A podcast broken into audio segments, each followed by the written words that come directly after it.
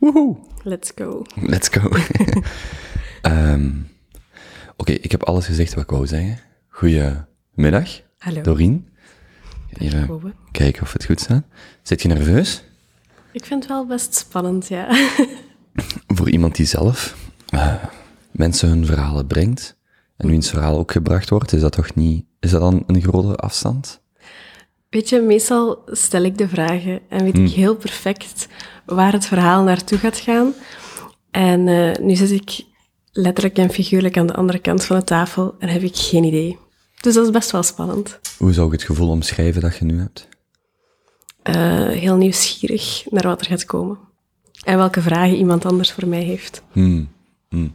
Ehm, ik ben nu al een, een aantal keer digitaal en fysiek, als een, eh, nee, sorry, uw, uw geesteskind, eh, fysiek tegengekomen.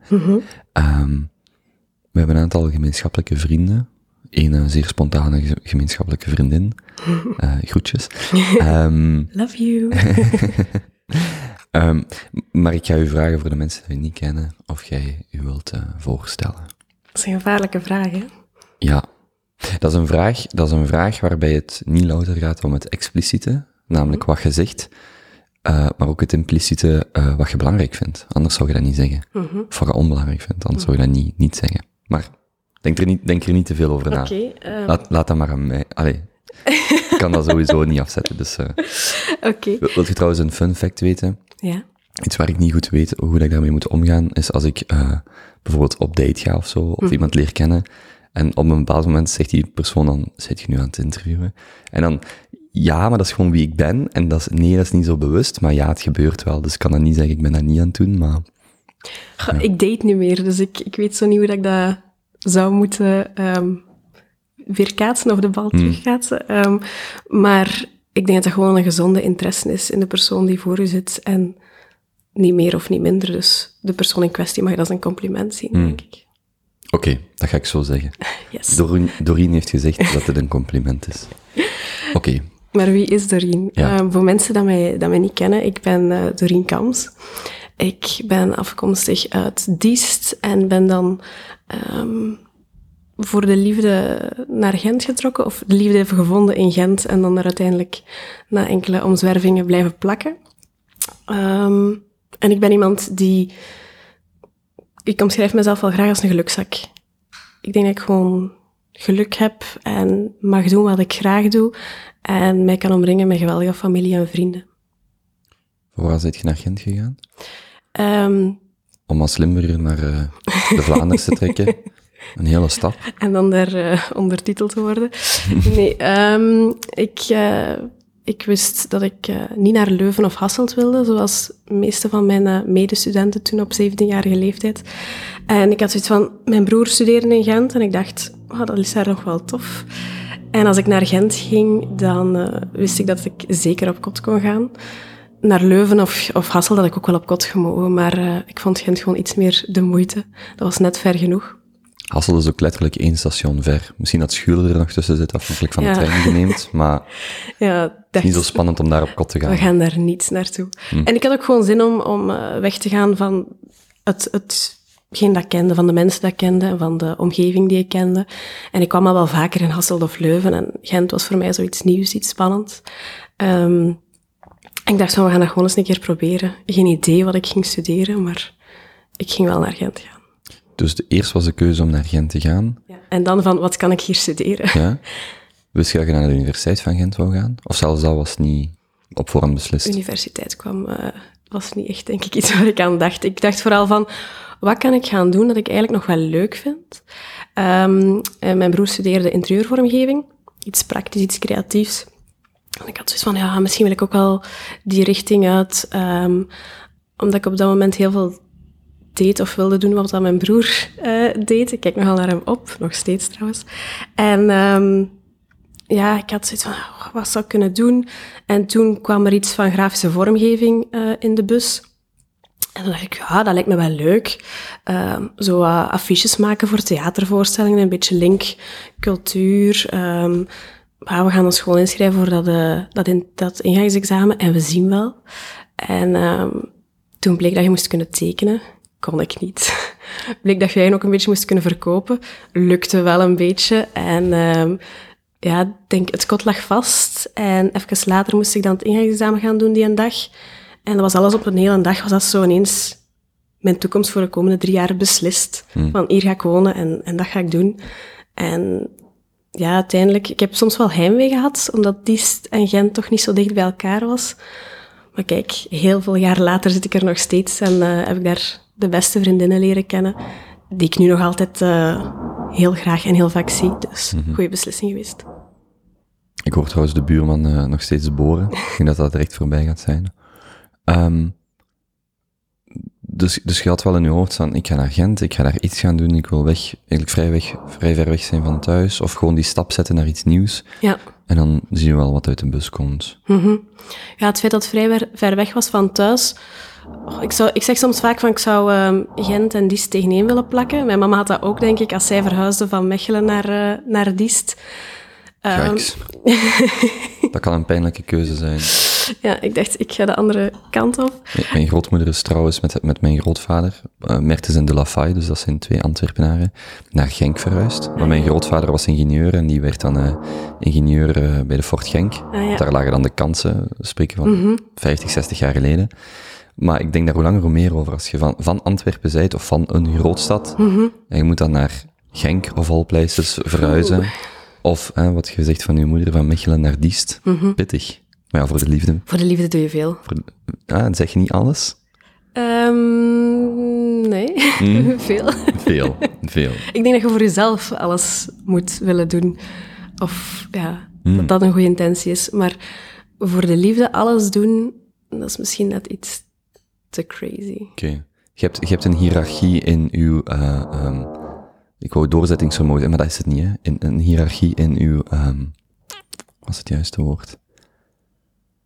Weet jij welk woord ik zoek? Nee, is nee. wel niet. Oké, oké. Okay. Als in, als in oké, okay, hiervoor doe ik alles, hiervoor doe ik heel veel, en dan hiervoor doe ik weinig of niks. Ja, ik, pas op, ik wil alles doen voor mijn liefdes, maar um, ik denk dat het heel belangrijk is, en dat is iets wat ik echt van mijn man geleerd heb, um, zorg dat je vooral eerst zelf gelukkig bent, voordat je anderen gelukkig wilt maken. Hmm. En hij is um, positief egocentrisch een enig kind, maar dan heel positief. Um, en ik leer er gewoon heel veel van, hoe dat hij soms dingen aanpakt en um, zichzelf wel op de eerste plaats durft stellen, of, of zijn doel of zijn idee. Um, en daar heb ik heel veel van geleerd en dat maakt dat ik ook op die manier soms wel keuzes durf maken. Zit jij dan eerder niet, uh, sorry, negatief egocentrisch, of, en nu ben ik aan het zoeken naar uh, het antoniem van egocentrisch, uh, geen idee. Niet egocent. Ik, ik hou heel veel rekening met anderen. Laat het mij zo zeggen. Als in, je hebt moeten leren om niet te veel rekening te moeten houden met anderen? Ja, want anders komt er nergens in het leven, is misschien zwaar uitgedrukt. Maar als je altijd rekening houdt met het vullen van andere mensen hun kopjes, hmm. ja, wat blijft er op een duur over voor jezelf? Koude koffie. Hmm. Allee, daar zijn we niks, niks mee. En daar worden die andere mensen op den duur ook niet gelukkig van, want daar hebben niet genoeg energie om tot bij hen te gaan, een kopje te vullen, er misschien nog uh, een beetje, weet ik veel, een koekje bij te leggen of zo, whatever. Um, die energie heb je alleen maar als je zelf genoeg, uh, genoeg koffie gedronken hebt. Mm -hmm. Oké, okay, de buurman, we hebben echt... Uh, we hebben chance vandaag. Ja, we hebben het exact goede moment genomen om te beginnen opnemen. Um, als je zegt, uh, mijn liefdes, voor alle duidelijkheid, je hebt één man, één huwelijk ja, ja, ja, en één absoluut, kind. Absoluut. Van, dus het meervoud komt van de, de twee mannen in uw leven. De twee mannen in mijn leven en, en ook mijn familie en vrienden. Um, ik zie die mensen heel graag. Mm -hmm. Dus je gaat naar Gent, je begint mm -hmm. daar dan te studeren. Wacht, heb je dan dat ingangsexamen gehaald? Ja, en dat was super spannend, want dat was zo'n lijst van, uh, van het einde van het alfabet, dus van de Z naar de A, dat ze afriepen van uh, persoon X geslaagd, persoon Y geslaagd, en uh, KAMS begint met een C. Dus de stapel was al vrij, vrij dun als ik nog moest komen. Mm. En dat was van, oh shit, ga ik erbij zijn of niet? Maar ja, we hebben dat kot nu vastgelegd. Allee, dat was echt zo super, super spannend. En uiteindelijk was ik erbij en ik weet dat mijn mama was er ook en mijn broer was er ook. En um, die stonden in de gang en ik hoorde die zo juichen als ze mijn naam zeiden. Dat was echt wel een heel tof mm. moment. En ik denk dat we toen zelfs alle drie een beetje beschonken is het foute woord, maar we hadden toch wel iets, iets uh, gedronken om het te vieren en zo zaten we terug op een trein naar huis. En ja, dat was een heel fijn moment. Hoe heette die opleiding toen? Um, grafische vormgeving. Oké. Aan Sint-Lucas. Mm -hmm. Met afstudeerrichting reclame, want dan kon je dan nog kiezen. Ga je voor uh, het grafische of ga je voor de reclamekant? En ik had uh, de reclamekant gekozen, omdat ik het heel fijn vond om, uh, als je een periode had van zes weken om aan een opdracht te werken, om vijf weken lang bij anderen langs te gaan en te kijken van hoe gaat het bij jullie en kan ik hier een beetje mee brainstormen. En om dan onder een douche een goede slogan te vinden, um, gewoon die copy zwart op wit te zetten, hmm. te laten drukken en klaar. Was um, uh, die verhuis naar Gent alles wat je er dan van verwacht had? Heeft dat de, de, de verwachtingen ingelost? Moeilijke vraag. Mm, ik denk dat het, heel goed, dat heel goed was om uh, mijn wereld te verruimen. En dat ik andere mensen heb leren kennen die ik anders nooit zou hebben leren kennen. Waar dat enorm goed mee, mee klikte vanaf dag één. En um, dat ik anders misschien wel in een kleiner wereldje had gezeten, dat mijn wereld nu gewoon groter is. Hmm. Zou, je zou het opnieuw doen? Komen we terug in de tijd? Ja. Ik denk dat ik weinig in mijn leven anders zou willen doen. Omdat je ook vaak, ja, je maakt keuzes met informatie die je op dat moment voorhanden hebt. Hè. En sommige keuzes zijn goed, sommige keuzes zijn minder goed. Maar op dat moment lijkt dat gewoon altijd de beste keuze. Mm Vandaag, denk ik, als mensen u tegenkomen, is het ofwel uh, het magazine, mhm. of uh, gewoon online waar ze u tegenkomen, of de interviews dat je geeft, of waar je rond werkt. Hoe zit je daartoe gekomen? Om, om bossie te maken, bedoel je? Mm Wel, wat, wat, zijn de stappen tussen, tussen uh, het lanceren van Bossie en het uh, afstuderen in Gent? Mm, als afstudeerrichting, uh, afstudeerproject hadden we in het tweede jaar het maken van een magazine. En toen had ik al zoiets van, oh, dat is heel leuk. Ik vind het heel tof om iets tastbaar te hebben op het einde. En dat mensen daar ook iets mee kunnen, dat ze dat kunnen lezen. Um, maar ik voelde na drie jaar vormgeving en reclame dat ik nog wel wat, mij wel meer wilde verdiepen in dat journalistieke. Ik had een stage gedaan bij Boondoggle. Um, Leuven? Ja, in Leuven. Want mijn broer werkte in Leuven, mm. het gebouw ernaast. We gingen altijd samen uh, die periode op en af naar Leuven. En, um, ik heb nog een zeer spontane vraag. Wanneer zit je gestopt met uw broer te volgen? het maar, dat, maar daar, wacht, daar ga ik je zelfs... Okay. Uh, en misschien, misschien uh, het verhaaltje vertellen um, waarom we lachen, is... Uh, Doreen en ik waren daar op voorhand al over aan het spreken. En dan zei ik zo, ze was aan het vertellen. Ik zo, nee, nee, wacht, wacht.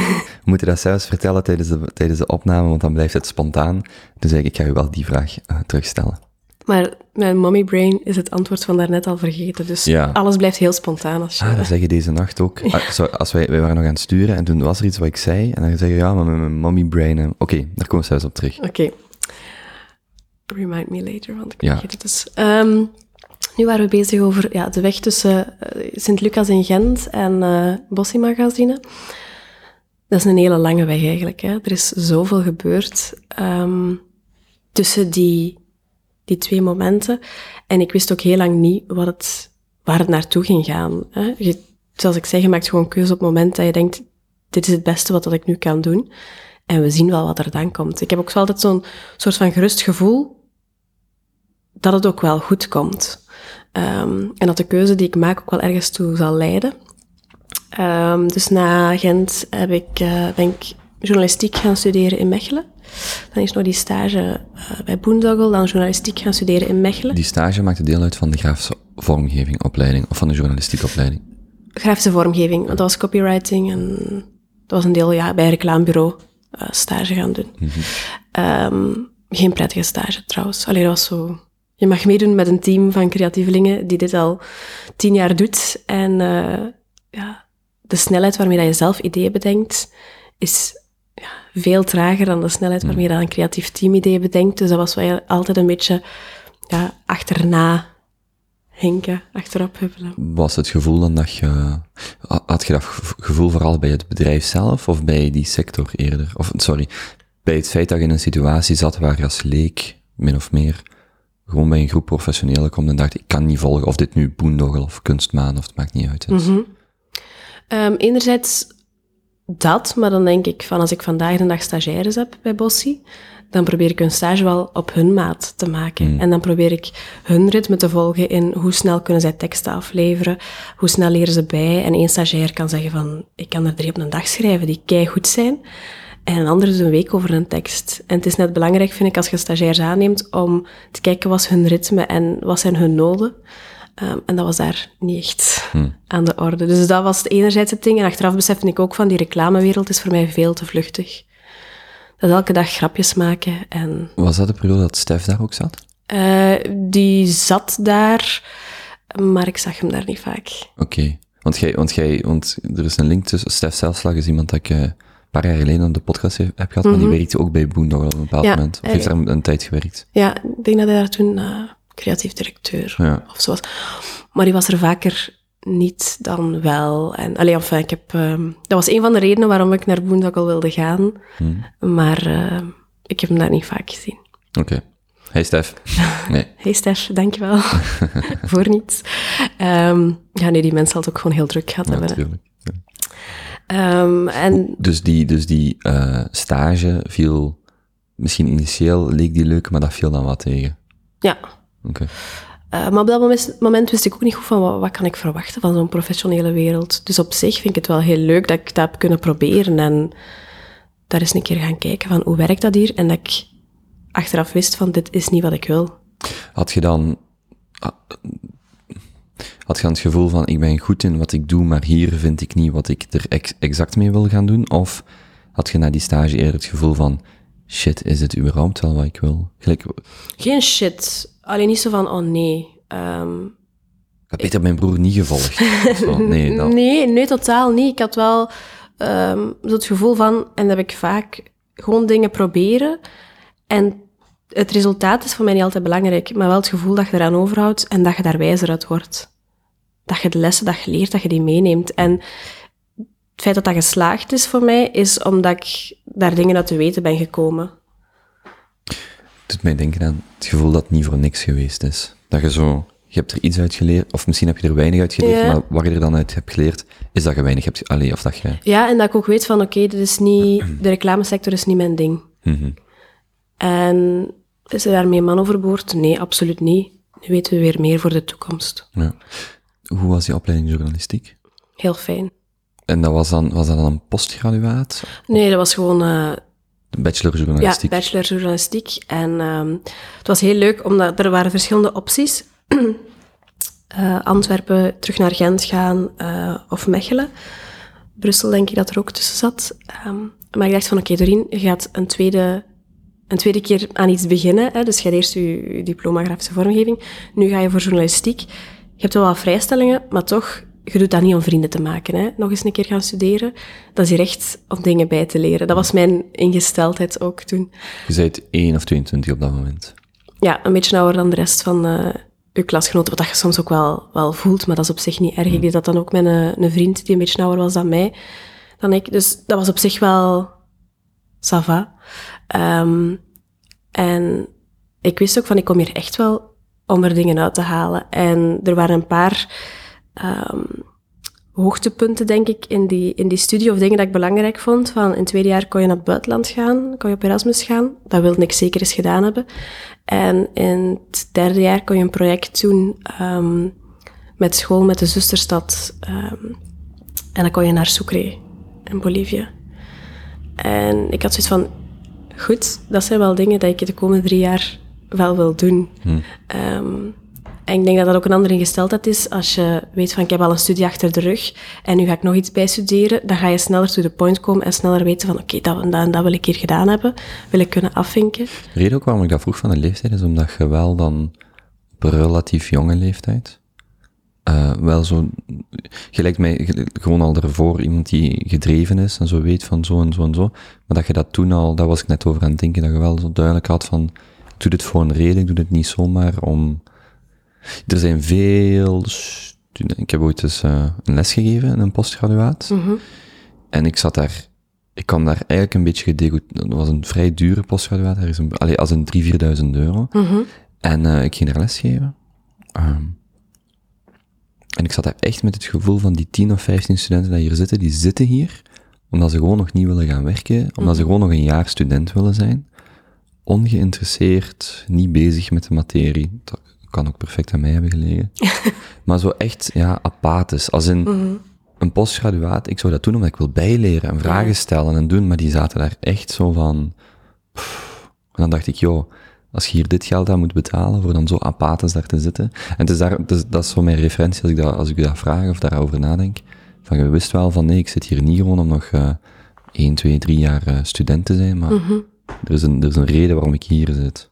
Ja, ik denk ook dat is respect doen naar um, uw ouders die dat voor je financieren.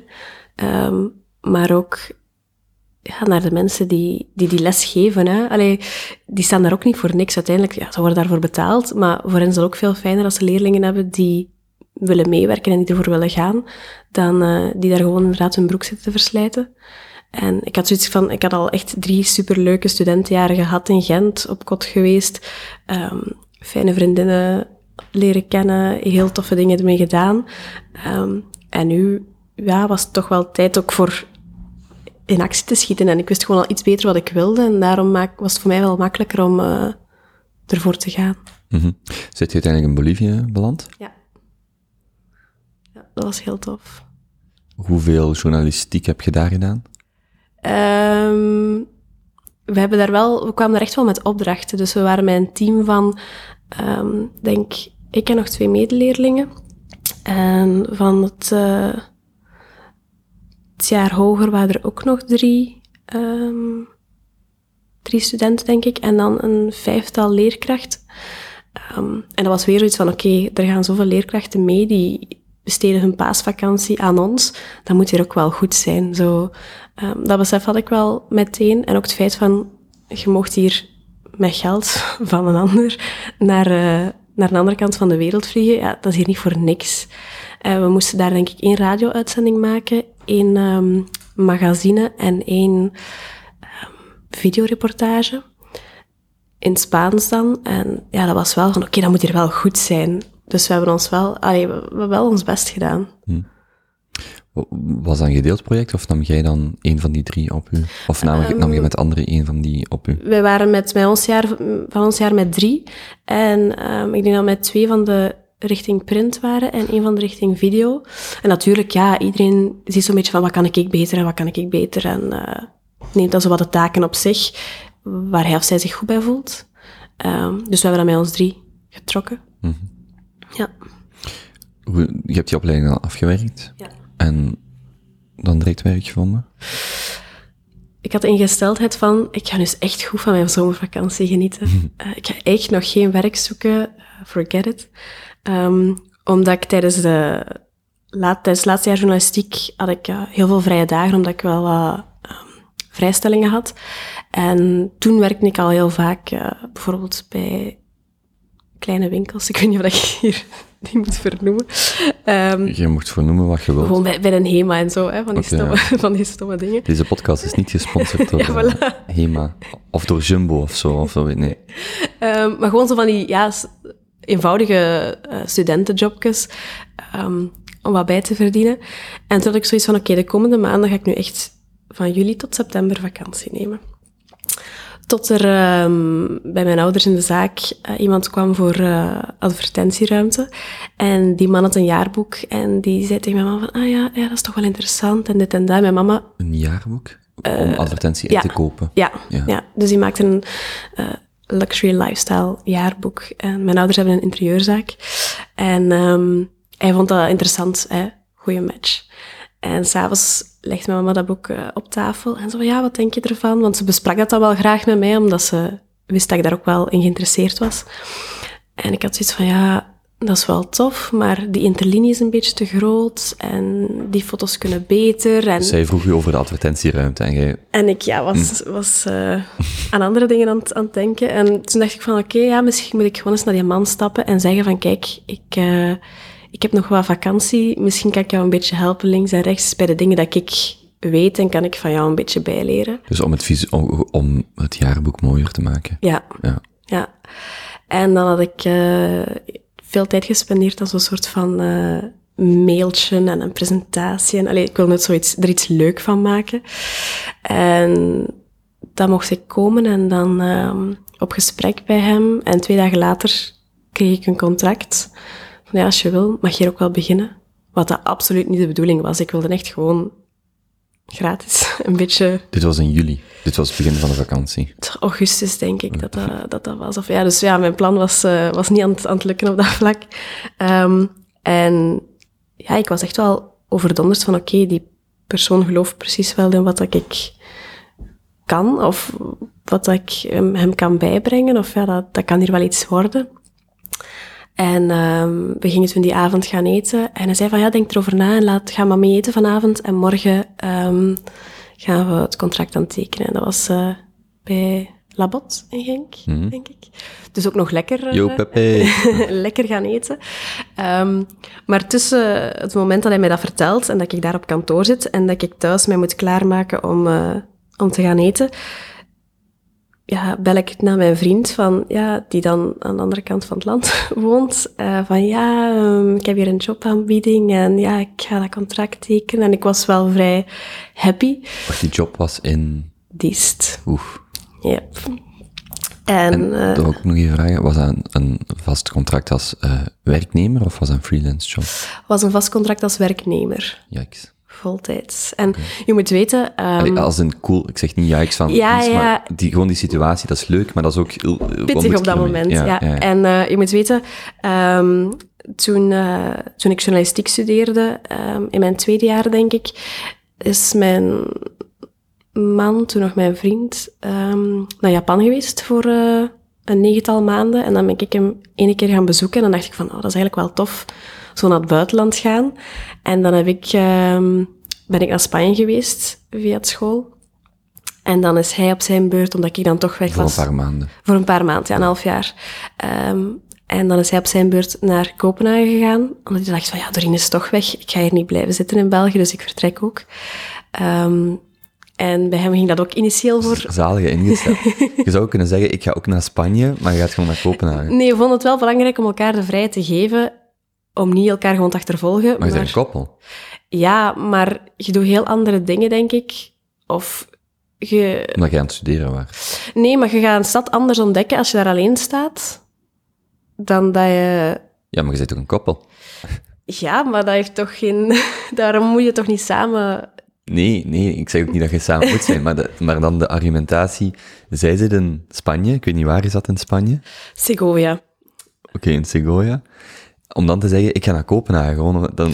Ja, maar bij hem was het ook van, waar zijn er an- interessante architectuurbureaus? Ja. Ehm, en ik weet, hij wilde heel graag naar Beek gaan, ehm, maar hij was dan eerst gestart bij Effect, geloof ik. Ehm, en toen als zij zes maanden op waren, allee, en mijn zes maanden dus ook, en toen we initieel allebei terug naar België gingen gekomen, ehm, belde hij mij van, ah ja, maar ik mag nu eindelijk bij Big beginnen, dat andere bureau.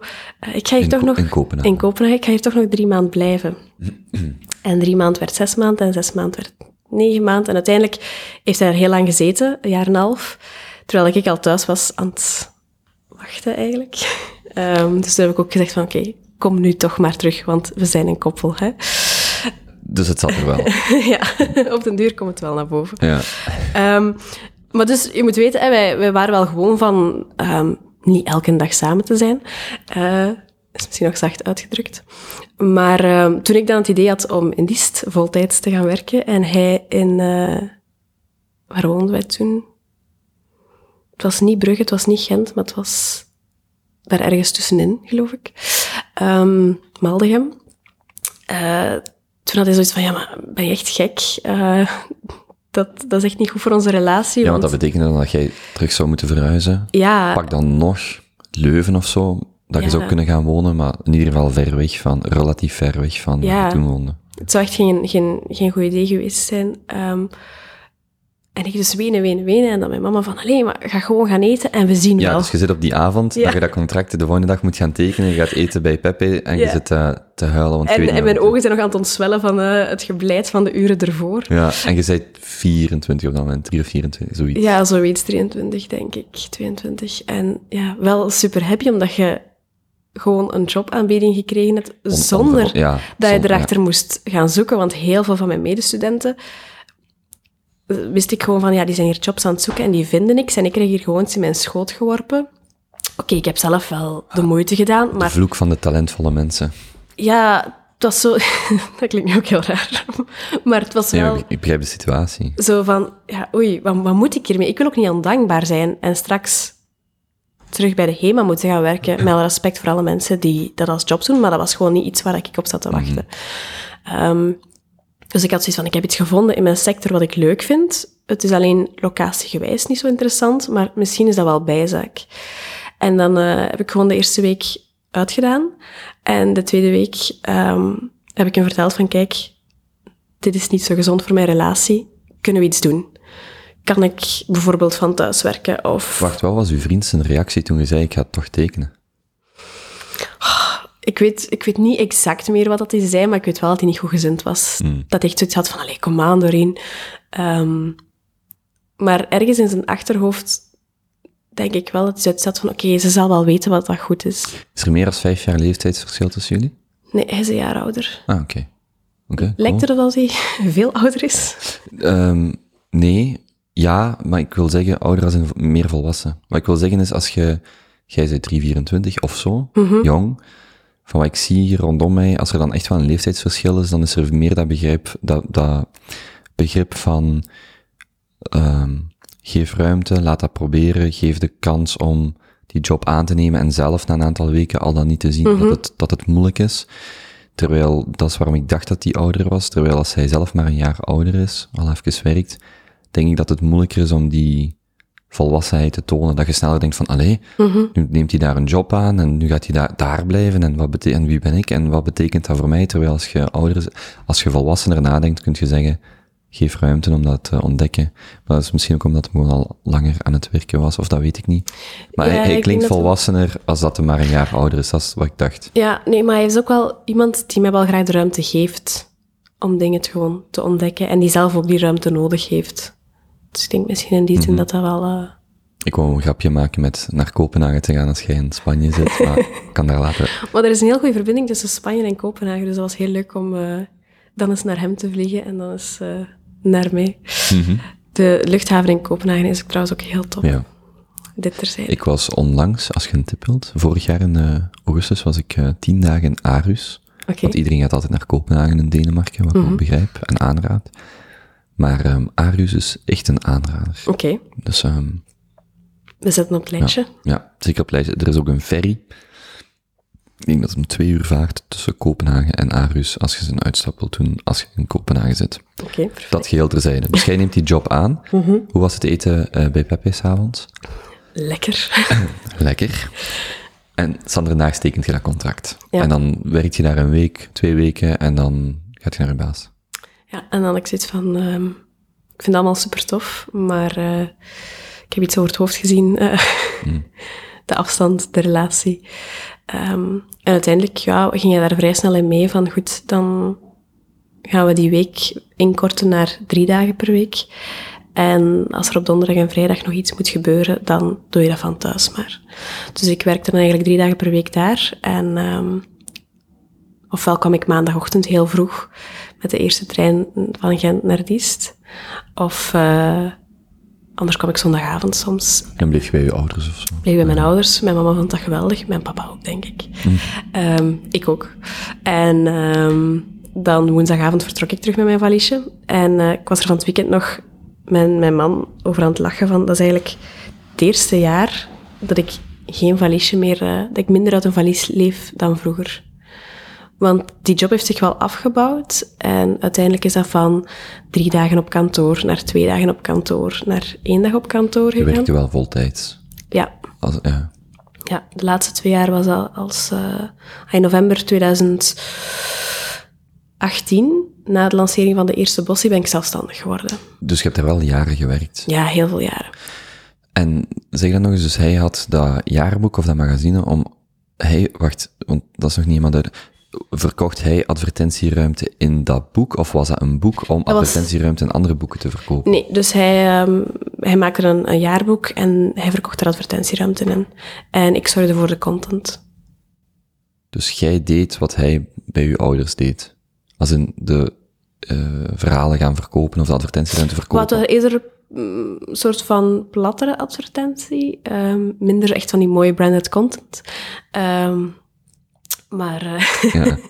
Kent je zo die advertentie? Zit je ooit in de Euroscoop in, Limburg, in Genk of zo geweest? Nee. Je hebt daar zo van die, joh, je moet daar gewoon eens gaan, gewoon om ermee te gaan lachen. Maar je hebt dus die advertentie, eh, voor de, voordat de film begint, maar dat is echt zo, als je hier bijvoorbeeld in Antwerpen of naar de UGC of Kinepolis gaat, dat is vaak, da- daar zie je dat daar grotere budgetten zijn. In Genk heb je zo de zeer lokale autohandelaars. En dan heb je letterlijk gewoon van die stokvideo's van iemand dat, dus je ziet dan gewoon zo iemand een hand wijzen en klikken. En dan hebben ze daar zo exact gewoon dus de tekst van garage Jolsens, van de weg naar Ras, weet ik, en dat je echt daar zit en denkt van, dat heeft toch ook Oh zijn my God. charmes. ja, dat is, nee, dat is, dat heeft zijn charmes, maar dat is stront lelijk. Dat is super grappig, want dus Jonas en ik, goede maat ook veel op de podcast was, wij gingen daar dan, we hebben een tijd gehad dat we elke dinsdag naar de cinema gingen, want dat was cinemaavond voor 5 euro. En dan zaten we weer te kijken en dachten we, oké, we dachten twee dingen. Eén, dit is zo belachelijk dat het grappig is. Maar twee, je ziet ons hier lachen. Die mensen hebben wel advertentieruimte verkocht en ze hebben wel iets, dus Ja, wij zitten hier te lachen met de mensen die tenminste iets hebben geprobeerd, dus eigenlijk zijn wij onnozelaar. Maar dat nam niet weg dat we daar soms zo advertentieruimte zagen, dat we echt dachten van, dit is zo plat, of Ja, zo, ja, zo eenvoudig. Maar goed, beter als niks. Absoluut, daar moest ja. ik naar, mijn glimlach kwam eh, van, van die momenten. Dus als je zegt dat je daar de content deed, Mhm. dan ging het over dat boek effectief vullen, dat jaarboek. Ja, er was eigenlijk heel weinig ruimte voor, voor ehm, ja, content die niet gelinkt was aan adverteerders. Ehm, dus daarnaast was er ook een huis-aan-huis magazine. En eigenlijk was, ja, had hij een heel, heel range van producten. Ehm, huis-aan-huis magazine, maar ook producten voor klanten die zelf een magazine wilden maken, bijvoorbeeld. Ehm, en het fijne was dat ik wel van dichtbij heb gezien van, hoe werkt dat hier allemaal? Ik heb veel zelf moeten uitzoeken. En het is niet zozeer dat ik het ehm, van hem geleerd heb of zo, maar ik kon wel bekijken van, hoe, hoe gaat dat hier van A tot Z? Want ik was dan wel... distributie, productie. Bijvoorbeeld, ja. Oh, ja, ja. Want ik was dan wel aangenomen als journalist, maar het was een klein bureautje waar ik ook wat input kon geven over vormgeving, ehm, waar ik met een heel toffe vormgeefster eh, kon samenwerken. En ehm, uiteindelijk ja, was dat wel, wel heel prettig om dat, om dat allemaal een beetje te combineren en om gewoon aldoende te leren. Ehm, s- woonden jullie dan, woonde jij dan terug in Maldegem op de momenten dat je niet in uh, Ja. waart? Ja, en dan zijn we niet, niet veel later zijn we naar, eh, naar Gent verhuisd, omdat Maldegem het gewoon niet was voor ons. We voelden zo van, ja, het, de enige dag, daguitstap dat we kunnen doen is naar de Colruyt gaan hier. En dat was niet zo prettig. Deze podcast wordt ook niet gesponsord door de toerismeafdeling van de stad Maldegem. Pas op, van Maldegem is wel heel mooi om door te wandelen. En Ongetwijfeld. Langs dat water, heel rustgevend. Nu zou ik dat misschien meer appreciëren, maar op dat moment had ik zoiets van, ik mis ehm, leven. Hmm. En ik wil zo 's morgens wakker worden en het gevoel hebben van, ik kan van alles doen, maar als ik gewoon in mijn zetel blijf zitten, is het ook oké. En- Waar zit, dan zit je naar de stad verhuisd. Ja, dan zijn we echt in Gent Centrum gaan wonen. Woont je nu nog steeds? Nu zijn we verhuisd naar Destelbergen. Dat is op 10 minuten, een kwartiertje fietsen van, eh, van Gent. Maar je zit wel mooi tussen het groene van Destelbergen, eh, een park in onze achtertuin, bij wijze van spreken, en de stad vol leven. Dus het is wel fijn om, om die combinatie te hebben. Dus je verhuist terug naar Gent en je bouwt ondertussen je werk in Diest af, als in de, de, de dagen dat je daar moet zijn. Ja, dat ging heel traag, hè. Ehm, want ik wist ook niet wat ik anders zou doen. Ehm, ik ben wel meteen als zelfstandige in een bijberoep gestart, omdat mijn man ehm, zijn bureau aan het opstarten was en toch 24-7 werkte. Dus ik had zoiets van, ja, dan kan ik maar beter de tijd dat ik eh, over heb naast mijn werkuren ook aan klanten spenderen. En dan eh, ben ik als copywriter in bijberoep gestart. Wat zijt jij in de kern, als je naar jezelf kijkt? Professioneel? Een creatieveling. Wat is uw titel op LinkedIn? Ik zou het niet weten. founder van Bossy. Wat bedoelt je met een creatieveling? Ik ga graag aan de slag met problemen van anderen. Dat klinkt misschien heel vreemd of creepy, maar ehm, ik kijk graag van hoe kan ik mensen creatieve oplossingen aanbieden. En dat kan soms gaan over puur textueel, maar dat kan ook gaan over uh, beeld, over um, combinatie tekst-beeld, verhalen, uh, maar ook in de vorm van workshops. Um, ja. Hm. Je zei trouwens daar straks dat je je, je broer volgde. Mm -hmm. Ik ging je de vraag stellen, wanneer zit je gestopt ja, die, met, uh, die vraag moest nog komen. Met, met uw broer te volgen? Um, ik denk het moment dat, um, dat hij besloot van... Ik ga die trouwens iets dichter bij u okay. zetten. Nee, blijf maar zitten waar je zit, maar ik ga die iets dichterbij zetten. Het moment denk ik dat hij besloot van uh, terug naar Dies te gaan. En dat ik zoiets had van, ik denk dat ik toch in Gent ga blijven. Maar wacht, in de tijdslijn zit jij ook terug naar Diest gegaan? Ja, ik ben teruggegaan. Ik heb zo een hele tijd tussen beide Wacht, als je de tijdslijn, hè, dus jij traint inderdaad naar Diest, mm -hmm. wanneer, hè, dus jij gaat eten bij Pepe, Sander naar stekent je contract en je, de interlinie zat niet goed, dus pakte je de intercity dan maar naar, uh, naar, naar Diest. Oh, dat zit al een kwartier in mijn hoofd en ik kan het niet beter, ik kan geen slechter grapje maken dan dit. Maar ik moest het zeggen. Um, sorry.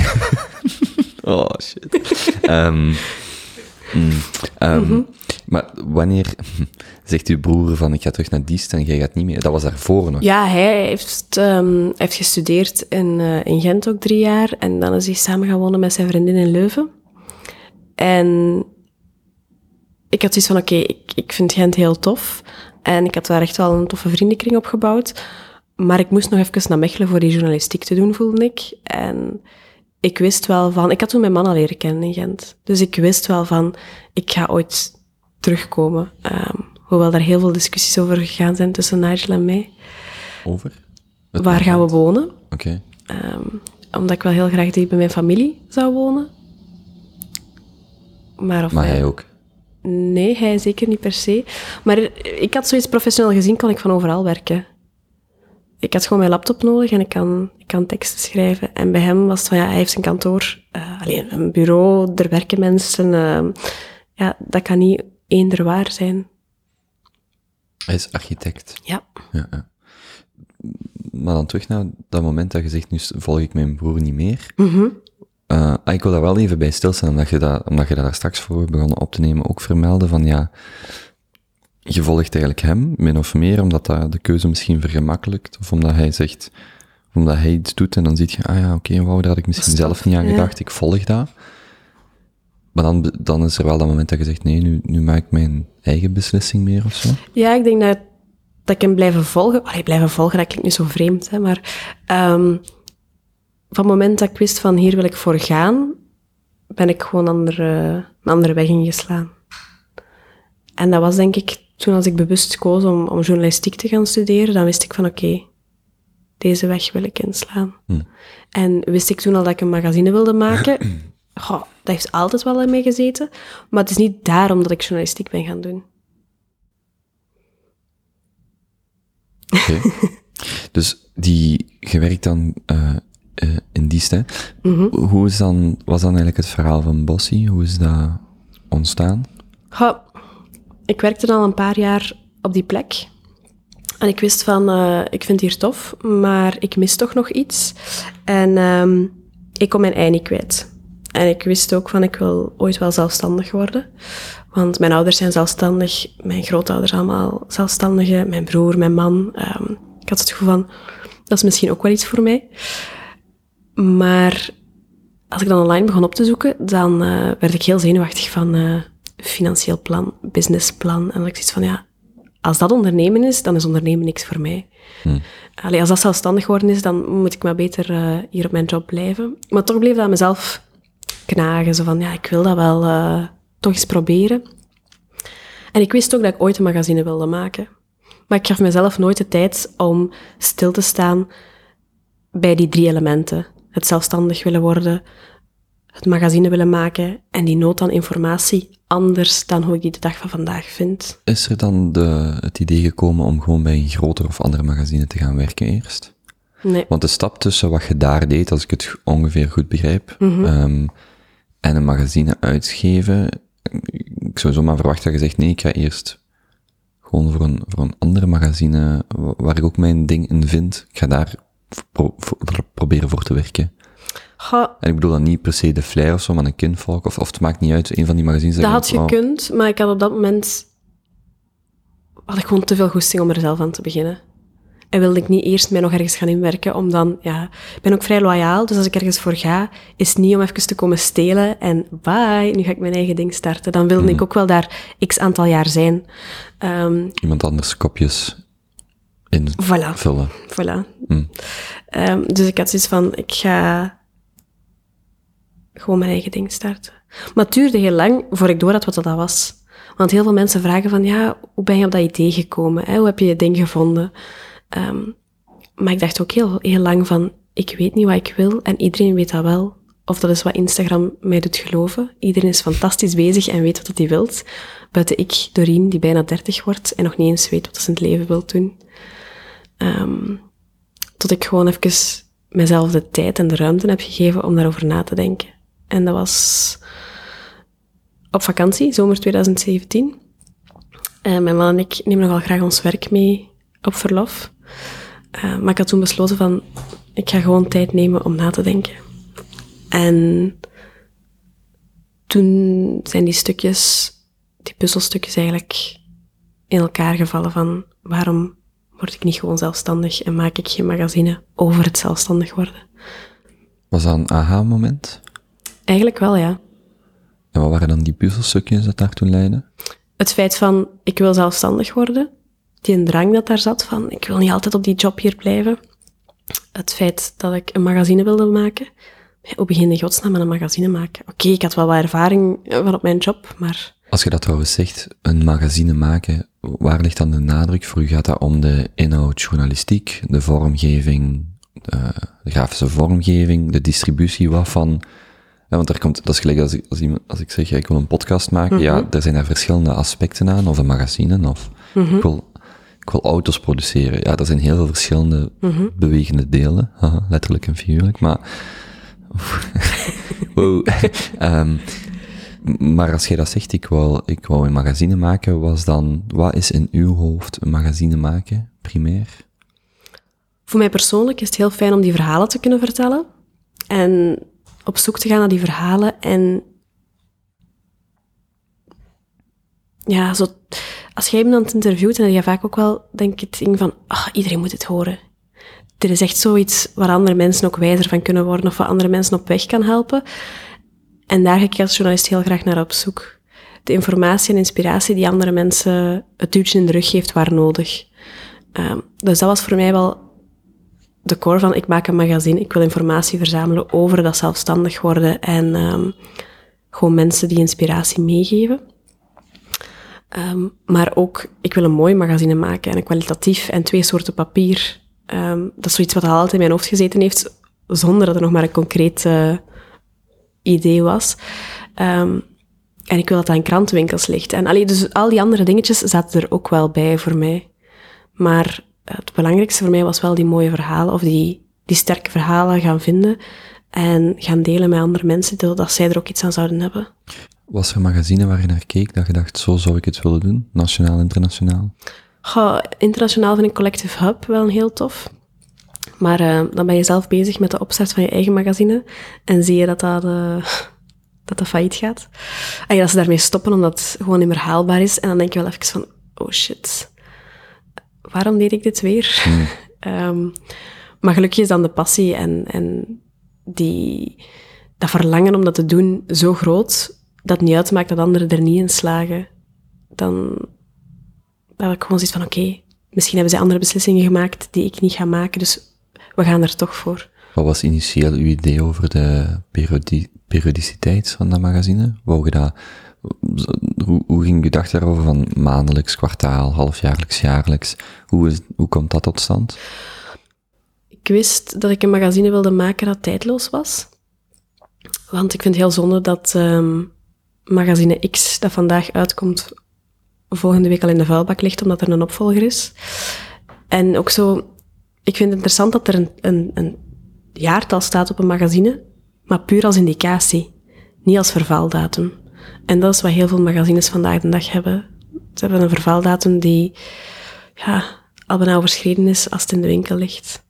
En dat vind ik zonde. Dus ik wist, dat wil ik absoluut niet. Het moet iets zijn wat dat kan blijven geconsumeerd worden. En, en niet het hele magazine moet vandaag voor jou interessant zijn, maar soms kan je er nu iets uithalen en volgende week kan iets anders interessant zijn, of, of volgend jaar.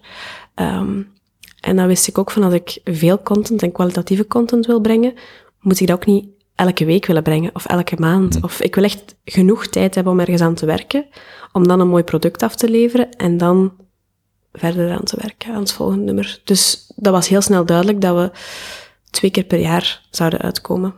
De gouden standaard wordt iets beter dan wel slechter met de tijd. Je ziet zoveel dingen minder kwalitatief, wordt gewoon slechter, takelt af. Ook fysieke producten. Mhm. Ik was gisteren nog met een vriend over aan het babbelen, het ging over stoelen. Hij zegt, ja, ik kan naar die IKEA gaan of uh, fast-moving dingen. En dat gaat waarschijnlijk met de jaren minder mooi worden. En vergelijk dat met, met de echte mooie stukken, de, de, de tafels van uw grootmoeder, bij wijze van mhm. spreken, die worden mooier met, met de tijd. En het doet mij, doet mij daaraan denken. Dus het, het puzzelstukje is, ik wil zelfstandig worden. Dat is eentje. Het andere is, ik wil een magazine maken. Ik Mhm. wil die verhalen delen. Wat had je dan nog nodig om in 2017 tot die, dat moment te komen? Het feit dat ik zelf geen informatie vond die mij zover kreeg om zelfstandig te worden. Ik werd gewoon zenuwachtig van alles wat ik online las. En van al die network-events waar ik me totaal niet op thuis voelde. Ik, Maar er is nooit, sorry dat ik je onderbreek, maar er is nooit, mm, zou ik zeggen, meer informatie geweest? Of een, een, of een, of een grotere, ik heb het woord al drie keer deze week in het Duits gebeur- gebruikt, uh, vielfältigheid, en ik moet het echt eens opzoeken wat dat in het Nederlands is. Uh, geen idee. Um, um, ik, oh. Um, wat ik wil zeggen, er is, er is niet louter meer informatie geweest, maar ook veel soorten verschillende informatie op ieders maat. En dan, dat je dan zegt, ja, maar ik vind nog steeds niet wat ik zocht. Wat, snap je wat ik probeer zo... Dat ik gewoon heel moeilijk ben. Ja, maar vandaag heb je ook een heel aantal... Allez, ik bedoel, maar vandaag krijg je alles op maat ook, hè. Misschien zijn we daar een beetje in verwend, maar ik had zo het gevoel van, um, er is maar één soort ondernemer. En er is vaak een man die um, zelfzeker is en die wel snel aan kapitaal zal geraken. En lukt dat niet, dan zijn dit en dit en dit een paar uh, tips om dat te doen. En dit zijn een paar boeken dat die man moet lezen. En zo gaat die man gekleed en in deze wagen rijdt hij. En als ik, ik, ik koop heel veel magazines. Uh, maar als ik wekelijks um, de magazinewinkel binnenwandel, dan word ik ofwel begroet door vrouwenmagazines en meestal ook een vrouw op de cover die er heel mooi uitziet en mij meteen doet twijfel van oei, zo zie ik er vandaag niet uit. En binnenin staan die dan ook nog eens allemaal met perfecte kleren en, en wat mijlen ver afstaat van mijn garderobe en dat maakt mij alleen maar onzeker. En ik hoef niet te weten hoe ik vijf kilo moet verliezen dit seizoen als ik dat wil, dan zal ik dat zelf wel op een of andere manier mm. doen. Maar niemand moet me, te zeggen, moet me zeggen dat dat een optie is. Um, en de magazines over ondernemen, ja, die waren zoals ik zeg heel mannelijk gericht. En ik had zoiets van, er moet toch iets tussenin zijn. En ik denk dat er veel mensen daarop zaten te wachten. Mm. Het klinkt alsof de twee dingen die je probeert samen te brengen is de, het ondernemen slash zeer mannelijk gerichte boekje. Mm -hmm of magazine, en dan het lifestyle slash zeer vrouwelijk gerichte magazine, mm -hmm. en dat je ergens die probeert te combineren, min of meer, als in, je hebt die ondernemende impuls, je hebt, je hebt dat verhaal wat je wilt vertellen van mensen, waar dat natuurlijk dan, als je iemand zijn of haar verhaal vertelt, staat die persoon centraal. Mm -hmm. Dus dat is, dan, dat is dan wat ik eigenlijk bedoel met lifestyle, meer zo dat, dat persoonlijke, mm -hmm. waar dat je die twee probeert min of meer met elkaar te verbinden. Mhm. Hm. Want, want, ja, hoe gaat het dan verder? je zegt van, oké, okay, ik heb, uh, je wou misschien nog iets zeggen. Ik weet niet of ik je onderbroken heb. Ik weet al niet meer wat ik wilde zeggen. Uh, hashtag mommybrain. yep. Um, maar dus, dus, eh, dus in 2017 valt dat dan allemaal samen. Hè? Dat je dus, um, mm -hmm. als je die puzzelstukjes had van, ik wil zelfstandig worden. Um, ik wil die informatie brengen en ik wil... Omdat je dat zelf niet vindt. Ja. ja. Hoe is dat dan verder gegaan? Goh, dat is uh, heel veel aanmodderen. Ja. Ongeveer een jaar heb ik aangemodderd. En um, hoe ziet aanmodderen eruit? gewoon in die comfortabele zetel blijven waar dat je in zit. En dat was dan met die job uh, een auto, een tankkaart. Um, ja, van alles. Wat bedoel je dan? Je zet dan een website op en je begint al een beetje te schrijven of interviews af te nemen? Nee, je hebt zo'n notitieboekje dat je meepakt en dat je af en toe iets inschrijft, maar waar dat, uh, de vorige notitie al van drie maanden geleden dateert. Hmm. Um, gelijk een uh, maandelijks dagboek of zo. Ja, en, en eigenlijk gebeurt er niet veel, omdat er ook niemand... Je denkt, niemand zit erop te wachten, maar ik maakte de fout dat ik moet zelf erop zitten te wachten. En dat is genoeg. Niemand anders moet erop hmm. zitten te wachten, want um, allee, zolang dat je zelf niet echt wilt dat er iets komt, ja, ga je die een drive nooit vinden. Voor mij persoonlijk dan, hè. bij u kan dat bijvoorbeeld anders zijn, maar uh, het was pas duidelijk als ik zelf zo dat, dat vurken voelde, voelde branden van oké, dit wil ik doen, dat ik er ook echt voor ging. En dan ben ik er ook wel mee gaan praten, met, met andere mensen over gaan praten, omdat ik merkte van alleen krijg ik dit niet getrokken. Ik wil dit wel, maar ik weet ook niet hoe, of dat ik wel afstand nemen van ja, die comfortabele zetel waar ik in zit en hoe dat ik dat eigenlijk allemaal ga doen. Dus ben ik wel gewoon met mensen beginnen babbelen, ondanks dat ik natuurlijk schrik had dat ze met mijn idee gingen lopen. Hmm. Wacht, wat je net zegt, van um, als ik het zelf wil maken, of ik, als ik zelf die nood voel, is al meer als genoeg. Dat lijkt me ook het type idee dat door een, uh, dat vrij natuurlijk komt bij een uh, positief egocentrisch persoon. Dus ik kan mij voorstellen dat je, dat je partner, uh, Nigel, wel zei van, of zich daarin kon volgen van, jij wilt dat doen, jij ziet die nood, ga er dan gewoon voor. Wat, was dat ook zo? Ja, en hij was ook heel supportive. Hè. Hij vond echt fijn dat ik iets van mezelf ging creëren, of dat ik de goesting had om iets van mezelf te creëren. En ja, hij zei van, ga er gewoon voor. Hè. Ik weet dat we de zomer voordat het, het eerste nummer uitkwam, zijn we niet op vakantie geweest, omdat ik gewoon constant aan het schrijven was. En uh, hij vond dat leuk. Hij vond dat echt leuk. En hij vond het helemaal niet erg. Andere mannen zouden misschien zeggen van, zeg, mijn zomervakantie. Uh, zo niet, hè. En hij vond dat geweldig, dat we gewoon van het ene terras naar het andere terras gingen met onze laptop. Hij was een beetje aan het werken, ik was een beetje aan het werken. En dat was onze zomer. En dat was een van de leukste zomers, denk ik, hmm. dat we gehad hebben. Dus die... Dus je zit dan een jaar aan het aanmodderen. Wanneer zeg je dan... Nu ga ik er serieus aan beginnen. Moet je dan een datum prikken van dan gaat het er liggen? Of moet je het dan aankondigen aan mensen? Ja, je begint met heel veel mensen te babbelen. Dat was toch ah ja, dat was je net aan het vertellen, hè? Dat je ja, mensen um, bijvoorbeeld, um, ik had Veronica leren kennen via een, een workshop. En um, Veronica ging coach worden. En uh, zij had dat opgevangen dat ik een magazine wilde maken voor ondernemende vrouwen. En ze stuurt zo lachend een mailtje van, ja, um, ik sta hier in uh, Brussel Centraal en hier ligt nog altijd geen magazine voor ondernemende vrouwen, dus misschien moet je er toch echt wel werk van maken. Um, dus met haar beginnen babbelen en ze heeft mij dan zo'n beetje gecoacht en dan ga, zijn we gaan kijken van, ja, kan dat iets worden? En na een paar sessies was ik echt zo van, oké, dit ga ik doen. Tot het dan weer te druk werd op mijn job en ik dat weer liet vallen.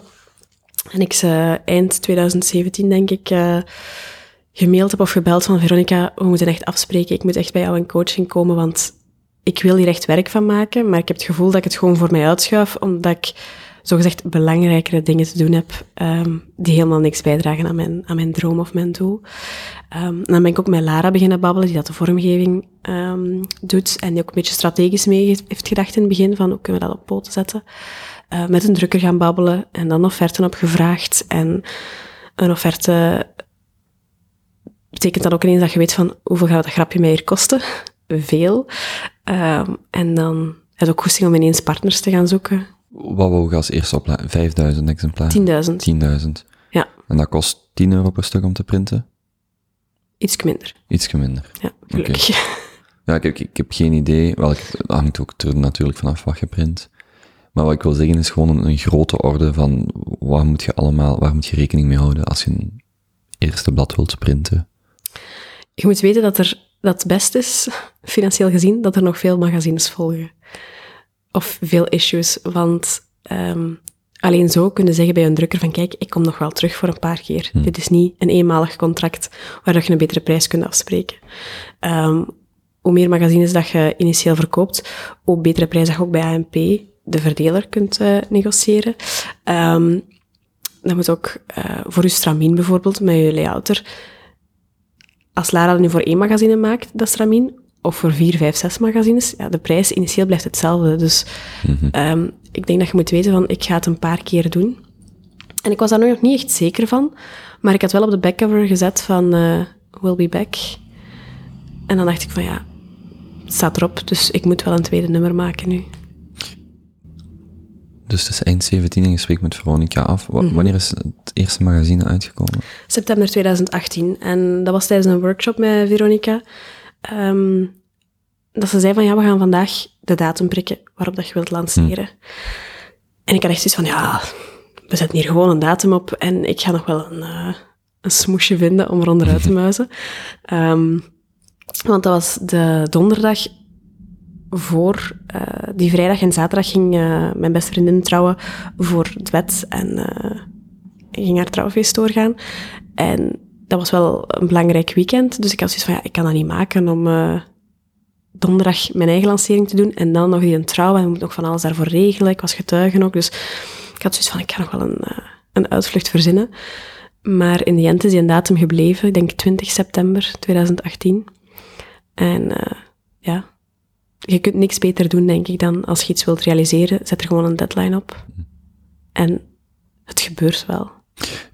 Wanneer zit je gestopt in uh, Diest? Um, Diest was uiteindelijk overgenomen door een bedrijf in Hasselt. En um, dan ben ik daar gestopt november 2018. En dan ben ik daar nog freelance blijven verder werken. Werkt jij nog steeds vandaag? Nee. Nee, oké. Dus die hoe, in welke mate heb je onderschat hoe moeilijk het was om dat magazine te publiceren? Ik heb het onderschat, um, vooral op vlak van tijdsbesteding. En op vlak van... Um, want op zich, een magazine publiceren is niet moeilijk. Hè? Je moet gewoon een budget hebben. En erin geloven dat het wel gaat goed komen, ergens, denk ik. Um, maar je moet wel geld hebben om het te maken. En mensen die in je geloven, als jij erin gelooft, gaan er ook anderen in geloven, daar ben ik van overtuigd. Um, maar het was vooral moeilijk om, eens dat dat gepubliceerd is, en eens dat dat in de krantenwinkels ligt, en dat mensen beginnen uh, dingen te posten op Instagram, van, ah ja, ik heb dat magazine gezien, en, en dan is een truc om niet gewoon klakkeloos te reposten, maar wel content te creëren. En in die geval ben ik wel getrapt. Ik heb gewoon twee maanden gerepost. Zo blij was ik dat mensen mijn magazine kochten. En toen zei mijn man ook van, misschien moeten we wel eens uh, actie ondernemen. En, ja, wat bedoelt je? Wat, wat misschien dan doen? Gewoon, ik had, ik had niks gepost op de website bijvoorbeeld. Die was er wel en daar stonden x aantal artikels op. Maar er kwamen geen artikels bij. Um, en voor de rest, ja, was ik eigenlijk gewoon, ik zeg het, aan het reposten. Ik maakte ook geen content voor, uh, voor social. Ik had daar gewoon ook geen tijd voor, want ik had nog die andere job. Um, dus ja, Bosse leefde een beetje zijn eigen leven. Het werd gelezen, maar meer deed ik er ook niet mee. Als je er een percentage op moet plakken, hoe, in welke mate zit je geslaagd in je idee om dat boekje, om het magazine te maken wat je wou maken? Die eerste in september. Ha, ik denk dat Bossie toen alles was wat ik hoopte dat het zou zijn. Het zag er echt uit zoals dat. Het overtrof mijn droom, omdat ik denk hoe dat ik het voorstelde, was meer zo iets minder tijdloos, iets meer Doreen. En dankzij ja, Lara, die dan een goede vormgeving heeft gegoten, die ook aan hem is aangeslaan, is het iets universeler en is niet gewoon zo Doreen die een boekje maakt, maar is het wel bossy. Um, dus ja, ik denk dat ik niks anders kon hopen voor dat eerste nummer. Van waar kwam de naam? No idea. ik, weet, ik weet het echt niet. Um, ik vind het wel jammer, want het zou leuk zijn moest er een tof verhaal aan hangen, maar ik denk dat dat een beetje als grapje ontstaan is en dat dat zo gebleven is. Maar ik vind het wel fijn dat er wat sarcasme aan vasthangt. Hmm. Um, hoe... Dus je, je, brengt dat magazine ongeveer anderhalf jaar geleden. Mm -hmm. hoe, hoe, hoe is die hoe zijn die laatste 18 maanden gegaan? Snel. Je hebt ook een kleine erbij. Ja. Wacht. Waar past die in het plaatje? Oh, wacht. Hoe oud is die? Vijf maanden. Vijf maanden, oké. Okay. is in februari. Dus die is geboren in oktober? September. September 19? Ja. Ah, ik probeer altijd zo terug te tellen naar wanneer dat iemand verwekt is. wat altijd een beetje awkward is. inderdaad. Dat is altijd een beetje awkward. Uh, dat is heel leuk om te doen. En... Je gaat mijn gezicht het, uh, de kleur zien krijgen van, ik zie hier niks rood, maar... maar ik ben aan het denken, het was dus niet uh, 20 september 2018, want oh, nee. je kunt geen jaar zwanger zijn. Dat ging niet gelukt zijn toen. Um, ja, maar nee. het is niet dat je dat kon... Ja, ik weet wat je wilt zeggen, maar... anyway. Um, nee, het was september 2018 het magazine gelanceerd. Uh, november 2018 ontslag genomen en december 2018 zwanger. Hmm. Ja. Het is soms handiger om eerst zwanger te zijn en dan uh, ontslag te nemen, maar ja. Ja, ik voelde me soms wel... Allee, ik heb me heel even wel dom gevoeld op het moment dat ik door had van... Oei, hoe zijn we dat hier aan het doen? Maar uh, ik, heb, ik, ik maak me niet echt zorgen of niet heel vaak zorgen. Ik, ik heb zowel het gevoel van, zoals ik al zei, het komt wel goed. Hmm. We zijn twee volwassen mensen die elkaar steunen door dik en dun. Je hebt genoeg vrienden en familie, het komt wel in orde. Want ondertussen, hè, dus je maakt dat magazine, want Mhm. daar, daar, zei je, daar zei je, kwam je net eigenlijk op. Uh, van, ah, ik ben dertig en ik heb, als je dat zei van, ik kijk naar iedereen zijn, in, uh, zijn of haar Instagram feed. Mhm. Ik ben dertig en ik heb nog niks gedaan met mijn leven, of zo lijkt het. Um, eigenlijk wel spannend dat je, uh, dat je die, dat, dat in je hoofd zit en dan zeg je, ik ga dat magazine maken, je wordt ondertussen ook moeder. Een pittige twee jaar of zo dat je, dat je achter de rug hebt nu. Ja, en toch voelde het niet zo. Omdat ik um, aan het doen ben wat ik graag doe. Ik had ook het gevoel als, uh, als Morris er kwam. Oké, dat was allemaal heel pittig in het begin. Je bent constant bezig met dat kindje in leven te houden. En jij is eigenlijk de enige als moeder die daar dag en nacht voor moet, uh, voor moet zorgen. Uh, natuurlijk, mijn partner heeft dat fantastisch gedaan, hè, maar... Maar we ja, weten allemaal geen borsten. dat... Ja. Um, dus die kan ook ja, of gewoon... geen melkklieren. Voilà, ja. Maar misschien ook geen... Ja. Okay, ja. het wordt veel te visueel. Um, maar uh, ja, je moet, je moet echt wel constant daarvoor zorgen. En dat weegt echt wel. Ik had dat nooit verwacht, dat dat zo hard op je zou wegen, dat je, de dag is voorbij en iedereen gaat slapen. En jij trekt gewoon je pyjama aan, maar je begint eigenlijk aan de nachtshift. En dat was zo zwaar in het begin. Um, ik weet niet waarom ik dit nu... Uh... Ik denk dat we een gemeenschappelijke vriendin hebben die vandaag in die periode zit. Misschien dat dat daarom... Ja. Misschien dat dat daarom ter sprake kwam. Maar wat ik u vroeg is, omdat die twee, die twee laatste jaren klinken zwaar. Ja, als, je, ja, ja, ja. als je zegt van... Ja, dus ik wil even wil zeggen, het is ook wel zwaar, hè. Mm -hmm. Maak je niks wijs. Um, moeder worden en, en uh, zelfstandig worden en al. Ah, het, is niet, het is niet evident. Maar um, ik heb altijd een soort van safety voor mezelf ingebouwd. Door in het begin, als ik zelfstandig werd, nog x aantal freelance klanten te hebben. Dat ik het gevoel had van, dit moet financieel niet. Um, ik kan Bossy rustig laten groeien. Wat was dan de tijdsbesteding? Was dat bijvoorbeeld 50-50 Bossy klanten? Oh, de klanten namen vaak de overhand. Ja. Jammer genoeg. En dan wist ik van, ik ga daar niet in veranderen. Ik ga mijn eigen project als projectje blijven zien en klanten als klanten blijven zien, zolang dat die er zijn.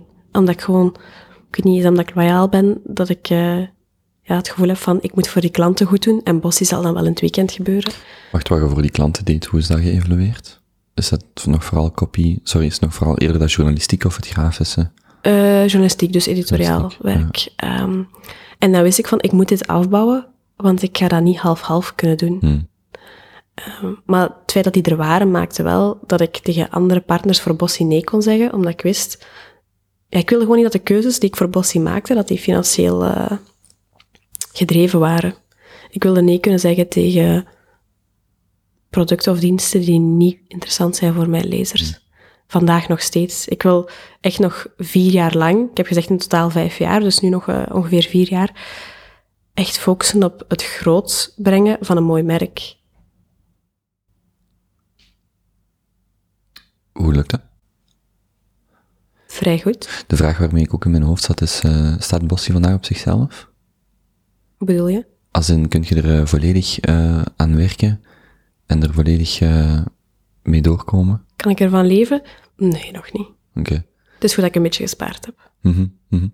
Maar je, je, hebt wel, voordat je begon, dacht je, ik wil hier wel vijf jaar, uh, of ik wil hier een bepaalde periode, of dat dan vijf jaar is of niet, um, wel iets proberen in de wereld te zetten, iets Ja. te bouwen. Ik vind het ook belangrijk om, om jezelf die tijd te geven, want het gaat allemaal zo vluchtig vandaag. We hadden het daar straks ook Ja. over voordat we begonnen te babbelen, van iets de tijd geven om te... om te groeien en, en te floreren. En dat kan niet dat, vandaag, dat je vandaag met iets begint, dat morgen iedereen u kent, dat iedereen naar je website komt, of dat iedereen naar je podcast luistert, of dat iedereen uw magazine koopt.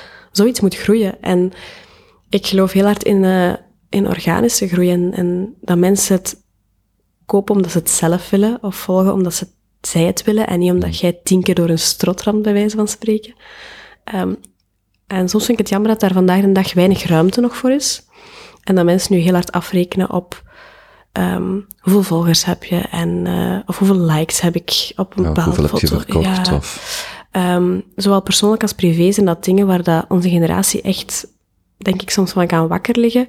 Of waar dat echt, ja, tuurlijk dat is super meetbaar, hè, maar dan nog zijn er andere factoren die kunnen bepalen van, doe ik het goed? En is er iets wat ik graag doe? Want dat is ook heel belangrijk. En is er iets wat ik wil blijven doen en even ruimte en tijd wil geven om te kijken wat kan hiervan komen?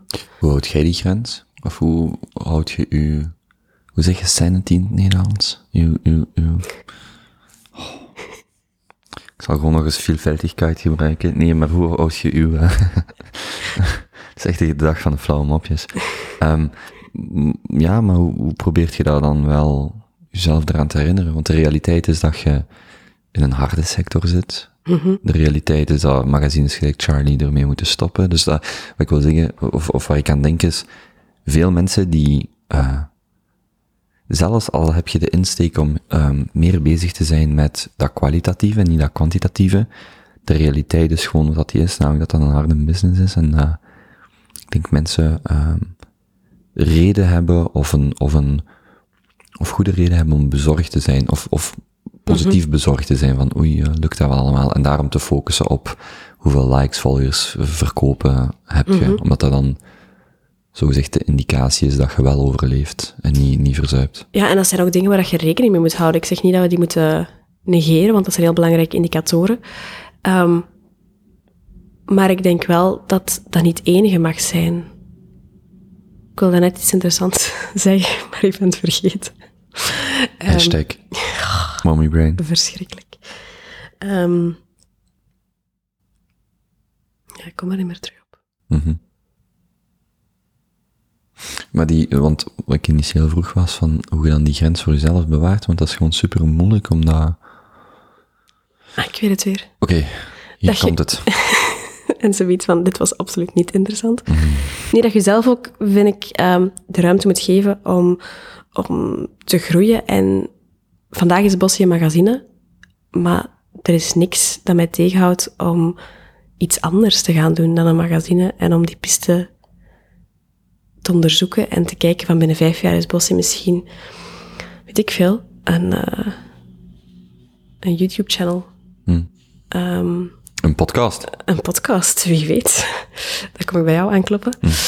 Um, allee, er, zijn, er zijn heel veel mogelijkheden altijd en, en ik denk dat je zelf ook moet kijken van waar wil ik naartoe?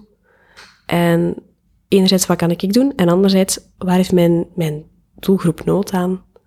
En als je daar een goede match kunt vinden, dan kan het niet anders dan goed komen, mits dat je het wel een beetje tijd geeft. Hm. Want ik geloof wel heel erg in de combinatie kwaliteit en het vinden van je juiste, van je niche. Wacht, er zijn een aantal dingen waar ik dan aan moet denken. Ook zo uw, uw eigen balans, werk-privé. Hoe mm -hmm. dat dat, want hè, kwaliteit zoeken is, kan extrinsiek zijn naar andere mensen, sorry, kan extern zijn naar anderen, maar ook intern uh, uh, op uw eigen leven. Hè? Mm -hmm. Als in, er zijn veel mensen die, waar het heel makkelijk is om heel veel tijd te spenderen aan wat willen mijn lezers, ben ik kwalitatief bezig, maar wiens privé het gewoon bijvoorbeeld heel moeilijk is, omdat daar dan daar ander moet gaan. Dus de, de, balans vinden, overal de balans in vinden, ook, of ook de balans tussen balansen vinden, zo, zoiets. Um, ik denk dat ik daar een vraag rond wou stellen, maar ik weet niet uh, of dat echt een vraag was. ook omdat je, nee, omdat wat je net zei van, Um, of, misschien moet ik dat gewoon zo vragen. Hoe, hoe is dat voor u nu? Als je vandaag naar de, naar, naar, naar Bossie kijkt, vind je dan, heb je dan het gevoel dat je dat antwoord geeft op waar je zelf naar op zoek was? Dat dat echt wel eh, een, een, een, een, ja, een antwoord is op, op, op wat jij wou doen? Waar zit er daar nog marge op? Wat ik heel fijn vind, is dat Bossie heel dicht aanleunt bij wat ik zelf zoek en bij wie dat ik zelf ben. Ehm, we zijn gestart met de startup issue. En daar heb ik eigenlijk gewoon gaan vragen aan andere ondernemers van, hoe doe je dat? Zelfstandig zijn. En welke tips heb je voor mij? En welke start-up tips heb je? En daar hebben we um, leuke interviews gehad met uh, Dries en Juri van uh, ja, Wasbaar Chiclair, uh, Startup Kings in mijn ogen. Um, maar ook mijn Connie van den Driessen of een Angelique Fauré. heel veel leuke, inspirerende babbels. En dan wisten we van, oké, okay, we moeten ons team hier een beetje gaan uitbreiden, want hoewel ik het allemaal graag zelf zou doen, het gaat niet lukken. Ik kan het niet alleen. Werkt je met pre-orders voor die start-up, uh, voor het start-up magazine? Um, ja, en dat toen ging, ging toen heel, um, heel, hoe moet ik zeggen? Dat was gewoon een mailtje sturen naar mij. en dan kon jij een abonnement bestellen of mm. een uh, pre-order doen. En um, dat maakte ook dat de eerste orders, dat ik gewoon zenuwachtig werd als mensen Bossie begonnen te bestellen. Want Niet doen. Ja, want dat was echt zo mijn bank-app openen en dan kijken, oké, persoon X heeft betaald. Goed, mm. vandaag gaan we magazine versturen. Maar in het begin was dat zo 1, 2, 3 en dan was echt wel, begon dat er veel te worden. En dan moest ik facturen beginnen maken en dat was zo'n soep. Dat was echt, ik was een beschermde werkplaats op mijn eigen. Dat was verschrikkelijk. Wat bedoelt je daarmee? ja, zo dingetjes in zakken steken en in dozen steken of labeltjes plakken. Dat is zo typisch werk mm. van, van een beschermde werkplaats. En heel veel mensen zeiden ook tegen mij van, waarom ga je er niet mee naar een beschermde werkplaats? Waarom doe je dat zelf? Mm. Dus vandaar, de denk ik, was dat op mijn eigen. Ik deed gewoon bandwerk. En dat was ja, heel amateuristisch, maar het moest gewoon zo, want ik had geen geld voor een deftige webshop. Is die indeling zo gemaakt in magazine, gepubliceerd? Hè? dan zit je gewoon weken of maanden bezig met, op, op dat moment, hè, dat start-up magazine. Want het is er, het is onveranderlijk, want het is geprint. Mhm. En dan zit je heel die periode bezig met het te verkopen. Ja, dus naar aanloop van een magazine verkoop ik partnerships. Mhm. Zoek ik producten en diensten die perfect aansluiten bij wat mijn lezer wilt weten en wilt lezen. We zoeken content, uh, al dan niet rond het thema. Want elk dus partnerships bedoelt je advertentieruimte of branded content of ja, zoiets? Ja. Um, dan zoek ik ook 80% is, is geen branded content. Dus dan gaan we ook daar naar op zoek, naar leuke verhalen die al dan niet binnen het thema passen. En um, dan kijken we ook hoe we de launch gaan doen. En dan leefde naar dat moment toe dat dat in druk gaat, dat je handtekening kunt gaan zetten bij een drukker, uh, dat dat geprint wordt. Dat moment is, ja, blijft nog altijd voor mij een kippenvelmoment, omdat je dan ziet dat dat in snel tempo uh, gedrukt wordt. Mm. En dat je ook ergens weet van, hier gaan ook wel fouten in staan. Maar dat is zo. Um, en dan is het kwestie van uh, beginnen uit te sturen naar alle abonnees. Uh, liefst nog voor de launch, want je wilt dat die het nummer als eerste hebben. Um, dan worden er ook heel veel magazines opgestuurd naar de verdeler, zodat die de eerste weekdag, en bij hun begint de week uh, op dinsdag, of verdeel ze de magazines op dinsdag, dat die op dinsdag in alle kranten en boekenwinkels over heel Vlaanderen liggen. En um, dan is het meestal de lancering, wat dat heel um, fijn is, maar ook heel veel energie vraagt. En uh, dan versturen wij gewoon wekelijks magazines. Dus er komt, tijdens de week komen er dingen binnen en elke woensdag versturen wij onze orders. En het is heel fijn om te zien dat we nu um, nog steeds orders binnenkrijgen van het allereerste nummer. Dus dat we de Fall-Winter 2018 vandaag nog steeds verkopen. Je hebt nog exemplaren? We hebben die moeten bijdrukken. Oh, dus als ik dat geweten, ik, ik dacht er nog aan van, oh, zou ik nog een... Dus meestal denk ik, dat is gewoon uitverkocht en je vindt dat niet meer. Maar er zijn er dus nog. Ja, ik heb ze bijgedrukt omdat ik het zonde vond om...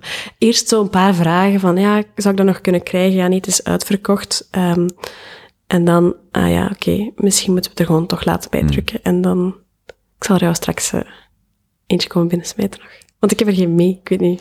Ik vergeet dat. Ja, en ik, ik, ik, ging er gewoon wel vanuit van, ja, nee, dat gaat gewoon uitverkocht zijn. Gelijk andere magazines, dat is geprint, dat is verdeeld en dat is uitverkocht. Oké, okay, oké, okay, dus mensen kunnen dat nog uh, bestellen. Ja. Wat ja, moet je nog iets zeggen? Ja, je, je vroeg daarnet van uh, hoe, hoe interessant dat bosje nog is voor mezelf. Of ja, mm, mm. iets in die zin. Um, dat ik zei van ja, we, we spitsen het heel hard toe op hoe dat we zelf aan het groeien zijn. Bijvoorbeeld Teamwork, Teamwork Special. Um, dan was ik plots zwanger. Ja, dan moest er natuurlijk gepland worden, want ik moest mijn bedrijf een paar maanden alleen gaan laten. Ehm, en dan maakt een planning issue. En dan gaat er bij iedereen vragen, hoe doet jij dat? En eh, nu komen we met de mommy issue uit in april. Omdat heel veel mensen ook vroegen van, ja, hoe, hoe vergaat het u als, als ondernemende moeder? Is dat fijn? Eh, wat zijn uw tips? En dan ben ik ook bij andere vrouwen tips gaan vragen. En uh, brengen we daar nu een nummer over. Het is wel heel cool dat dat magazine reflecteert wat uw, ja, uw eigen bezonjes zijn, of hoe de loop van uw leven verloopt. Als in, ik wil opstarten, ik vind daar niks rond. Dus dat is het onderwerp van de magazine. En dan ben ik ineens moeder, dus dan is dat een onderwerp en dan een planningonderwerp. Dat je zo, dat je wel volledig je eigen, dat je je eigen ei kwijt kunt, of je eigen verhaal eigenlijk vertelt ook aan de hand van de, en dat is dan de parallel met de podcast wat ik leuk vind. Je hoeft niet expliciet je eigen verhaal te vertellen, je doet dat door hetgeen Voilà. je op focust. Ja, En in, in, in uw geval door de issues die je maakt en de vragen die je aan gasten gaat stellen, of die, de verhalen dat je gaat printen, en in mijn geval, het komt op hetzelfde neer, maar de vragen dat je stelt daar, aan de hand daarvan, of de gasten die je überhaupt featured in uw boek, of in mijn geval hier, dat is een reflectie van wat jij belangrijk vindt, en dat is wel cool dat dat bij u zo expliciet eigenlijk doorgetrokken wordt. Ja, omdat ik wel merk van mensen die inhaken, die zitten ongeveer ergens op eenzelfde, met dezelfde vragen. En het is fijn dat we die vragen allemaal kunnen bundelen, zowel online als in het magazine. Ehm, en zoals dat gezegd, hè, enerzijds is het, een persoonlijk verhaal, maar anderzijds creëren we ook een platform waarbij dat mensen die ik bijvoorbeeld interessant vind, aan het woord kunnen laten over dat topic. Eh, want het moet zeker niet altijd over mezelf gaan. Eh, het is de bedoeling dat we rolmodellen creëren of rolmodellen aan het woord laten, zodat meer mensen zoiets hebben van, oké, zij kan dat, ik kan dat ook. Of hij kan dat, ik kan dat ook. Het moeten niet altijd vrouwen zijn. was de lijn tussen, eh, ja, wel daar ook verder op ingaan, van was de, de, de, het mijnenveld tussen, allee, wat snel een mijnenveld kan zijn tussen wie is onze doelgroep, eerder vrouwen, vrouwelijke ondernemers, wie featuren, was de grens tussen, ik had het ervoor nog even over zo een, een netwerkevenement enkel en alleen voor vrouwen, zo'n typische discussie die je lang en tot in het kunt voeren. Maar was daar voor u uw idee over, hoe je dat wilde brengen? Ik wist heel snel dat ik iets wilde brengen voor vrouwen. Ehm, want zoals ik daarnet al zei, een niche werkt gewoon. Dat werkt in de communicatie en dat werkt ook in het vormen van een, een doelgroep. Wat dat vandaag de dag heel belangrijk is. Ehm, ben ik daarom tegen mannen? Absoluut niet. Dus Er staan ook heel veel mannen in het magazine. Ehm, het draait gewoon eerder om het verhaal, wie je bent en wat dat je doet. En niet zozeer om het feit dat je nu man of vrouw bent. Ehm, maar ik vind het heel belangrijk. In de geschiedenis is er al heel veel gebeurd voor vrouwenrechten. Ehm, onze overgrootmoeders, grootmoeders, moeders, die hebben allemaal heel veel gedaan. Maar er zit gewoon nog heel veel tussen de oren van de vrouwen. En dat is echt nog wel een stap dat we moeten zetten. We moeten daar echt nog wel wat dingen uit krijgen of juist krijgen. Ehm, en ik denk door de juiste inspiratie te bieden, dat we daar wel kunnen komen. En ik hoop oprecht dat mijn kinderen, ehm, als ik het geluk heb van er, eh, van er meerdere te hebben later, dat die, ehm, dat die daarmee gaan lachen van, ons mama die maakte vroeger een magazine voor vrouwen. Kunt u je voorstellen? Dat dat zo, ja, dat dat totaal niet meer nodig is. Maar het is vandaag de dag gewoon echt nog wel nodig. Wat probeert je dan vooral weg te nemen? Wat nog tussen de oren zit? Dat is voor iedereen persoonlijk. Hè? Voor sommige mensen gaat dat over ehm, zich, ja, vrouwelijk leiderschap bijvoorbeeld is echt zo'n thema van waar heel veel over, over gezegd kan worden of, of heel veel informatie echt nog wel nodig is, denk ik. Ehm, maar het kan zo gewoon super breed gaan. Ik denk dat vrouwen in kwestie gewoon moeten uitnemen wat ze zelf belangrijk vinden, maar dat ze wel rolmodellen zien die het doen en dat ze zich daarin kunnen spiegelen en zoiets kunnen hebben van oké, zij doet dat, zij kan dat, ik kan dat ook. Het zij een vrouw in een belangrijke positie, het zij een vrouw die gewoon haar eigen zaak opzet, al is dat maar iets kleins, of een vrouw die haar job combineert met haar kinderen, Ehm, wat allemaal heel logisch klinkt, maar er zijn gewoon heel veel vrouwen dat vandaag de dag zeggen van ik zal gewoon maar blijven doen wat ik doe. Mannen waarschijnlijk ook, hè. Eh, maar ik vind het gewoon belangrijk om, eh, om die vrouwen te inspireren. Wat is het mooiste compliment dat je krijgt? Mensen die zeggen dat ze de stap hebben gezet. Naar ondernemerschap dan? Ja. Of ehm, ja, mensen die zeggen dat we hen kunnen inspireren, want dat is, dat is gewoon eigenlijk ook gewoon ons doel. Die vrouwen, die ondernemende vrouwen inspireren.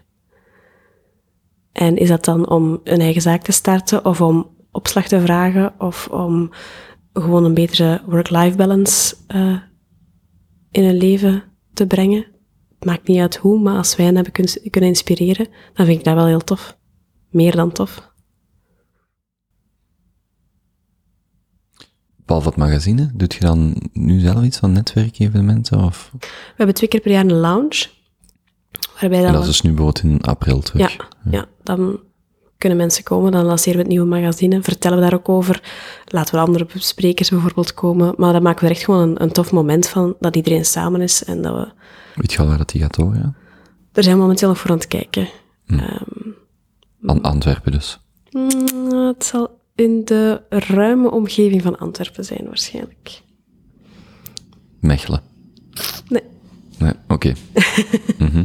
Dus je hebt magazine, die lancerings... Uh, mm -hmm. Want waar ik eigenlijk naartoe wil gaan, is je creëert ergens waarde voor mensen, waar ze deels voor betalen, het magazine. Mhm. En uh, omdat we het daar straks ook wel over hadden, van wat zijn de, de nabije of de nauw verbonden dingen die je nog kunt doen om die mensen te verbinden, of die stap te zetten, uh, die inspiratie Mhm. te geven, of die stap tot ondernemerschap te zetten. Daar ben ik benieuwd naar. Wat we bijvoorbeeld ook doen, is sp gaan spreken bij andere, uh, op andere events over Bossie, over uh, mijn persoonlijk verhaal. Uh, wat ik ook heel tof vind, want dan bereikt ineens veel mensen in het echt. Hè? Met magazine bereik ik iemand die op zijn zetel zit, in zijn eentje te lezen, ook heel tof. Maar bij een event is het ook heel fijn dat je meteen reacties kunt zien. Um, Klinkt heel herkenbaar trouwens. Ja. Zo, ah ja, er luistert duizend man naar en dan denk je, oké, okay, duizend man, ja, dat is een cijfer. Dan zei je iemand, probeer je eens een aula voor te stellen met duizend man. En zo, wow. Zot zo, ook, Bijvoorbeeld, of je verkoopt vijfduizend magazines of tien. Zo van, ja, oké, okay, maar nu zou je die allemaal moeten opstapelen en dan heb je natuurlijk wel een valt te visualiseren. Maar stel dus al die mensen voor die aan het lezen zijn Ja. in één ruimte en dan zeg je, wow. Crazy gewoon. Hm. Hey. Ja, dat is, dat is gewoon zot. Dus de evenementjes, of, of die lan het lanceringsevenementen, wat schiet er dan nog door je hoofd? Uh, momenteel zijn we ook aan het kijken uh, voor Bossy TV. Um, vroeger zou ik dat niet durven gezegd hebben, omdat er nog een idee is wat totaal nog niet concreet is. En dan zou ik daar niet over durven babbelen, gewoon het idee van iemand gaat dat hier stelen. Maar nu heb ik zoiets van, ja... Dat is de tweede keer dat je dat vermeldt. Dat je, daar straks zeg je dat ook van, dat je ermee wou dat je erover wou gaan spreken, maar dat je schrik had dat mensen het idee zouden stelen. Ja, dat is toch typisch bij een, als je een nieuw idee hebt. Volgens mij heeft, hebben heel veel mensen dat. Oké. Okay. Jij niet? Mm, Ik, ik begrijp waarom iemand dat zegt of waarom iemand dat voelt, maar het zit, er, het zit hem allemaal in het uitvoeren. Hè? Tuurlijk, tuurlijk. Want het, het idee, ik zal het anders zeggen, en dat is een beetje, ik zal het niet te provocerend proberen, maar er is niks nieuw aan het idee om een magazine te maken. Er is niks nieuws aan. Nee, het nee, idee nee. is gewoon, Absoluut. het nieuwe zit in jij die uw persoonlijkheid of uw wens of uw droom doorduwt in die, mm -hmm. in dat idee. Dus als jij zegt, ja, Bossy TV, uh, je bent niet de eerste vrouw om een, om een kanaal of een tv of hoe, welke vorm het ook neemt. Maar het is, het is veel meer, of, of iets waar ik vaak op terugkom om voor nadenken is, uh, als mensen u vragen, ja, en bij mij valt het wel mee, want, want dat is een, een creatief veld. Maar in een bedrijfscontext heb je vaak de vraag, wie zijn uw concurrenten? Je maakt een magazine bijvoorbeeld, ook daar is dat minder duidelijk. Als in Coca-Cola, Pepsi zijn heel duidelijke concurrenten. Mm -hmm. Maar ik kan daar wel iets rond vertellen, maar mijn gevoel is steeds dat mijn grootste concurrent, nummer één grootste concurrent, ben ik zelf. Er is niemand die mij meer de das kan omdoen dan ikzelf. Absoluut. Er is niemand die mij meer kan saboteren dan ikzelf. Dus, wat ik daarmee wil zeggen is, dat idee, dat is een idee, maar het zal er allemaal van afhangen in welke mate dat jij jezelf, dus iemand, iemand kan uw idee stelen, maar de kans dat je het zelf uh, verkloot, ik spreek over mijzelf, is, nee, is veel groter dan dat iemand, ja, ja. dat, dat iemand het zou nemen en er iets mee zou gaan doen. Natuurlijk, Absoluut. als jij zegt, ik wil Bossy TV lanceren en je hebt die domeinnaam nog niet geregistreerd, dan ben ik nu geklopt. dan, ik zou dat wel even eerst doen. Ik Wanneer gaat dit uh, on air? We zullen even u de kans geven of ik zal het registreren. Um, maar dus dat is iets anders. Je, mm -hmm. moet, niet, je moet niet naïef zijn. um, want dat is iets ben wat ik, soms wat wel. ik wel heel graag doe. Zo van, ah, dat is idee. Even snel vastleggen. Ik denk ook, als je gaat naar podcastvanhetjaar.be en podcastawards.be. Ik heb dat zelfs in mijn hoofd gehad van iemand gaat dat ooit organiseren. Dus ik heb gewoon die domeinnamen vastgelegd. Dat linkt nu gewoon allemaal naar kobe.show. Dus ik heb dat wel. Dus, er zijn, dus dat is iets, niet naïef zijn, maar wel. Oké. Maar dat is wel dat idee deel. Dus het idee van Bossy TV zit wel in Ja. mijn hoofd. Omdat ik graag, ehm, we hebben een magazine als één product en ik wil er graag andere producten bij die ehm, ook zo'n beetje on-demand kunnen communiceren, ge- geconsumeerd worden.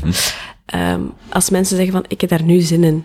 Want een, een event is allemaal super tof, ehm, maar dan moet je uit je zetel komen en dan moet je naar daar gaan en je moet je opladen en dat is heel anders dan dat je thuis in een joggingbroek Zelfs een magazine, hè. Als je zelfs op de fiets zit ergens naartoe, is het moeilijker om je magazine te luisteren. Terwijl televisie, je kunt er meer over vertellen. Maar dat is al iets, dragen, mee, iets Ja, meer ja. draagbaar als in, je gaat nu ook niet op de fiets kijken, maar, of in de bus. of ja. naar luisteren of zo. Ja. Ja. Is dat, en dat kun je ook heel veel kanten uit met de content dat je daarvoor maakt. Wat zit er nu in uw hoofd? Van Bossy TV? Ik zou graag x aantal vrouwen, interessante vrouwen. Wacht.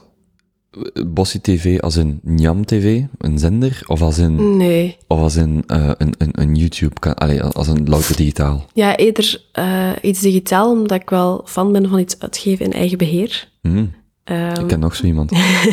zit hier voor mij zeker. Hè? Ehm, gewoon de controle houden en, en gewoon wat dat je maakt, dat dat ook echt van u is. Ehm, zonder dat je afhankelijk bent van andere, andere spelers met andere ideeën en andere bedoelingen. Ehm, dus ja, dat, ik zeg, het is nog niet super concreet, maar het is wel een idee wat ik in 2020 vorm wil geven. En het feit dat ik, het, dat ik erover praat, is voor mij ook gewoon weer een duwtje in de rug.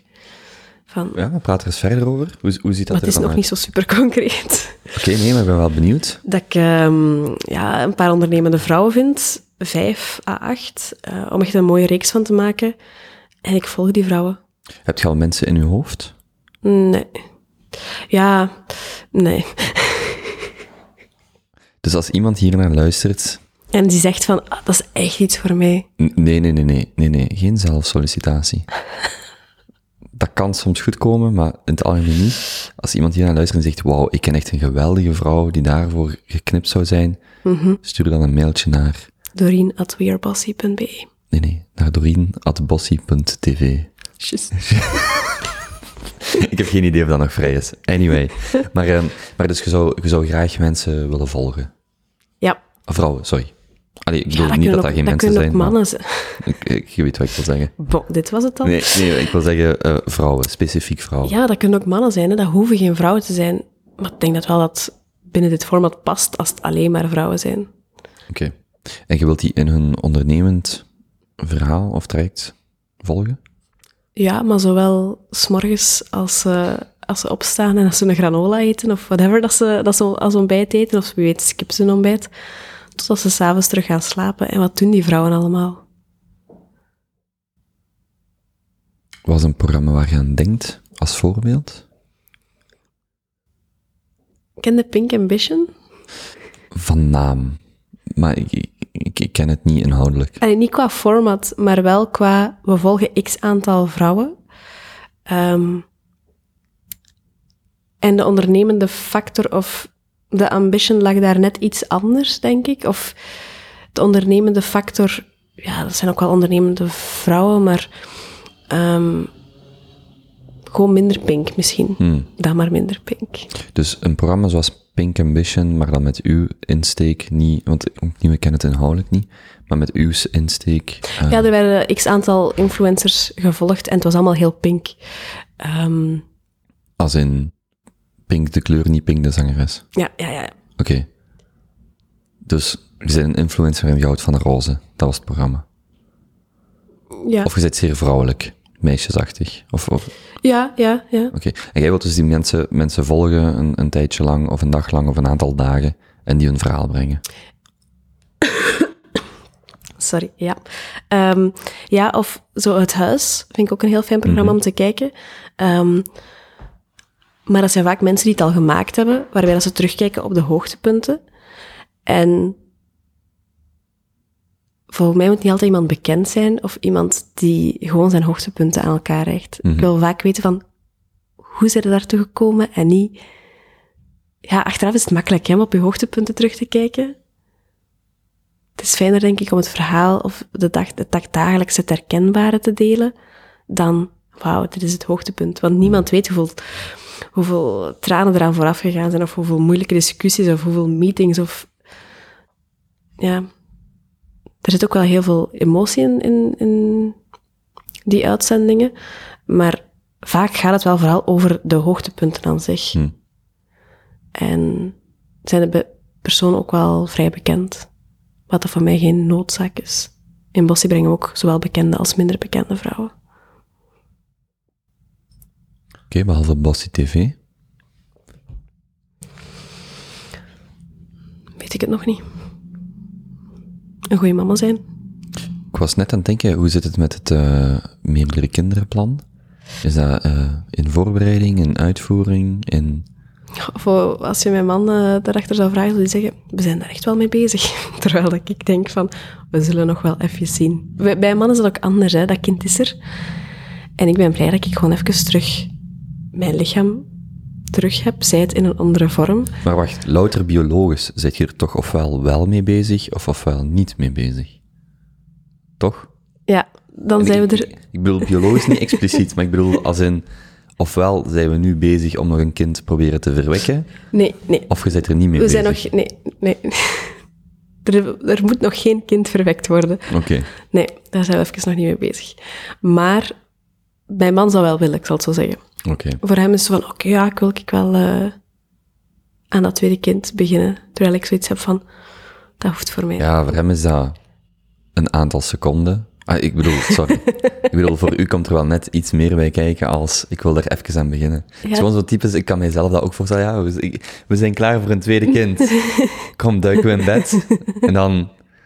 ah Ja, wacht. Het is wel iets meer dan Ja. klaar zijn voor een tweede. Voor een kind is iets meer Ja, ik bedoel, er komen ook weer maanden van misselijk zijn en Mm. om negen uur s morgens al pistolets met vlees sla eten.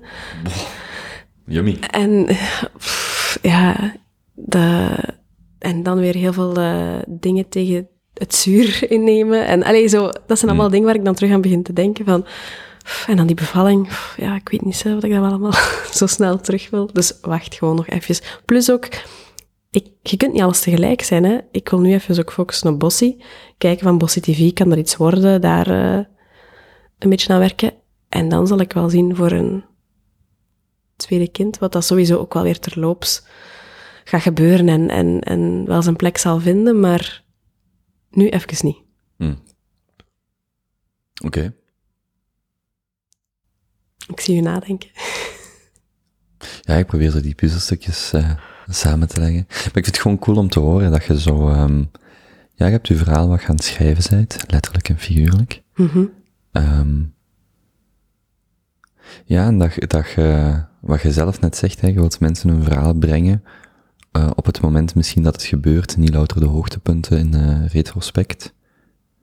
En dat, is, en dat is ook gewoon deels waar je nu weer zelf in zit. Hè? Want je, je hebt wel een idee waar je naartoe wilt, of als je daar straks zei, ja, ik wil dit vijf jaar, of ik wil...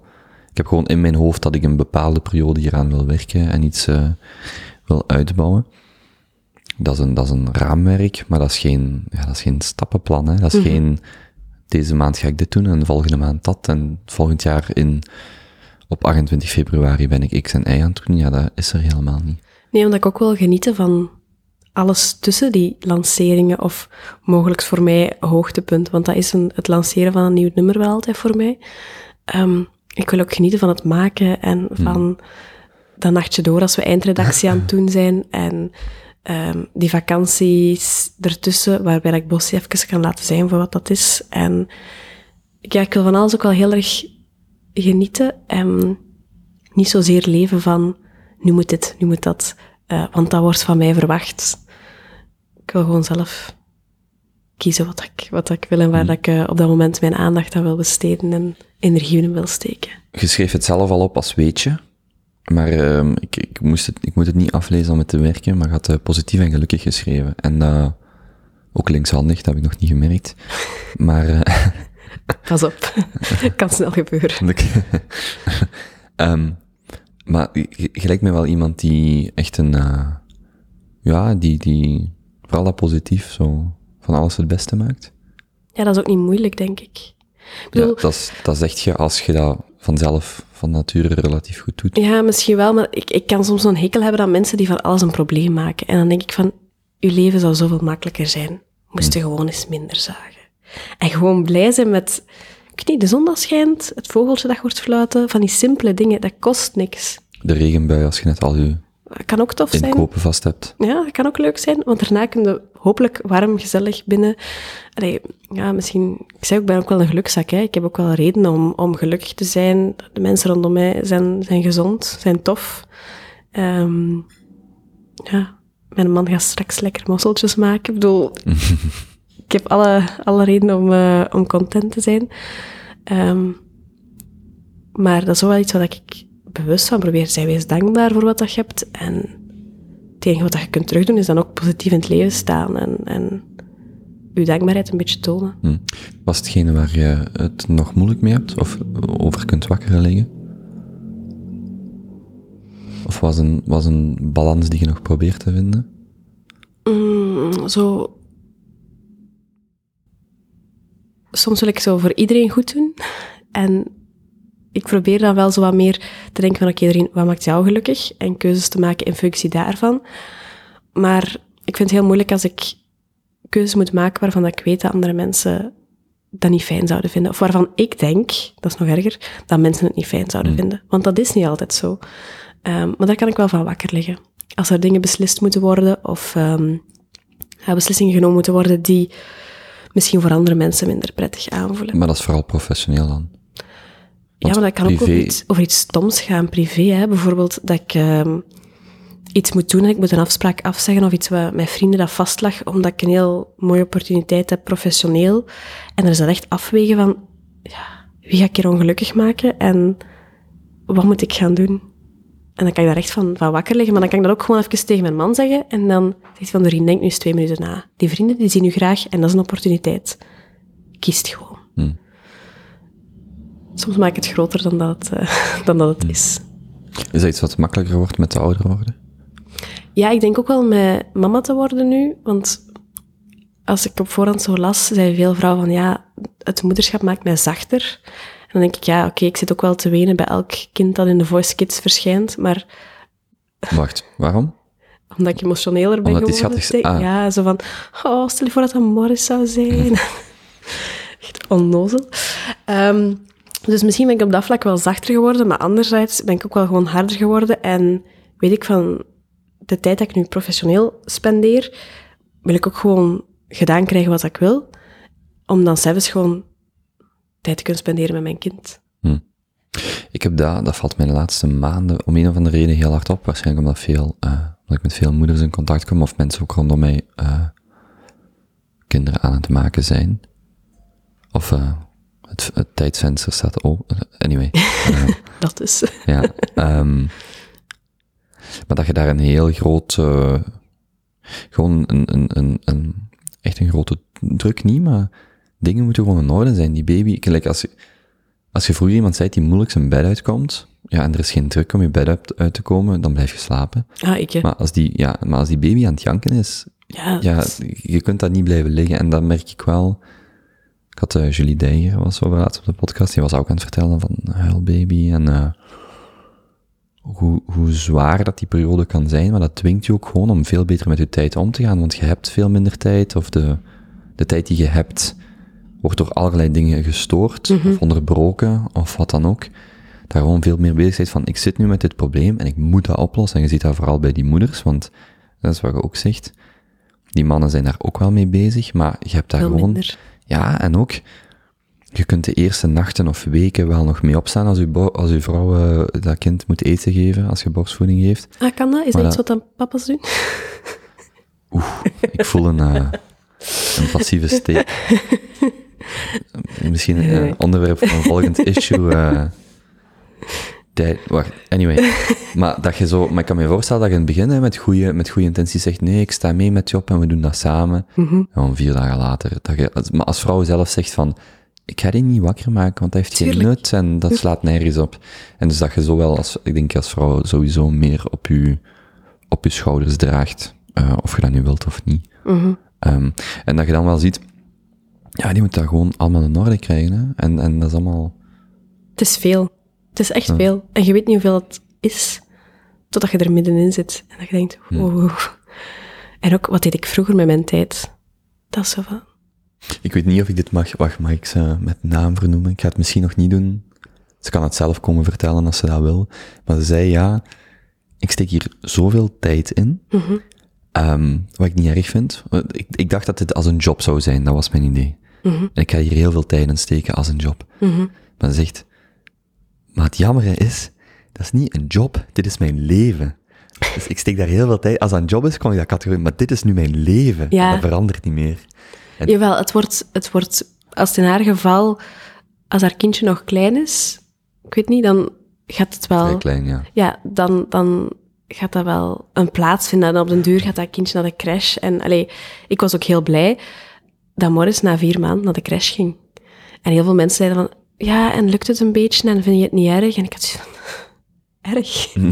ik, ben, ik ben gewoon heel blij dat ik terug mijn ding kan gaan doen. En dat ik Morris met de glimlach, allee, bij hem dan kan afzetten op de crash en met de glimlach kan gaan halen. Dat kind was daar ook content. En de donderdag is gewoon onze heilige dag en dan doen we dingen samen. Maar ik vind het wel belangrijk dat je nog dingen blijft doen ja, dat je zelf fijn vindt. En in het begin lijkt het of dat je, dat je leven gewoon bestaat uit voor dat kind zorgen.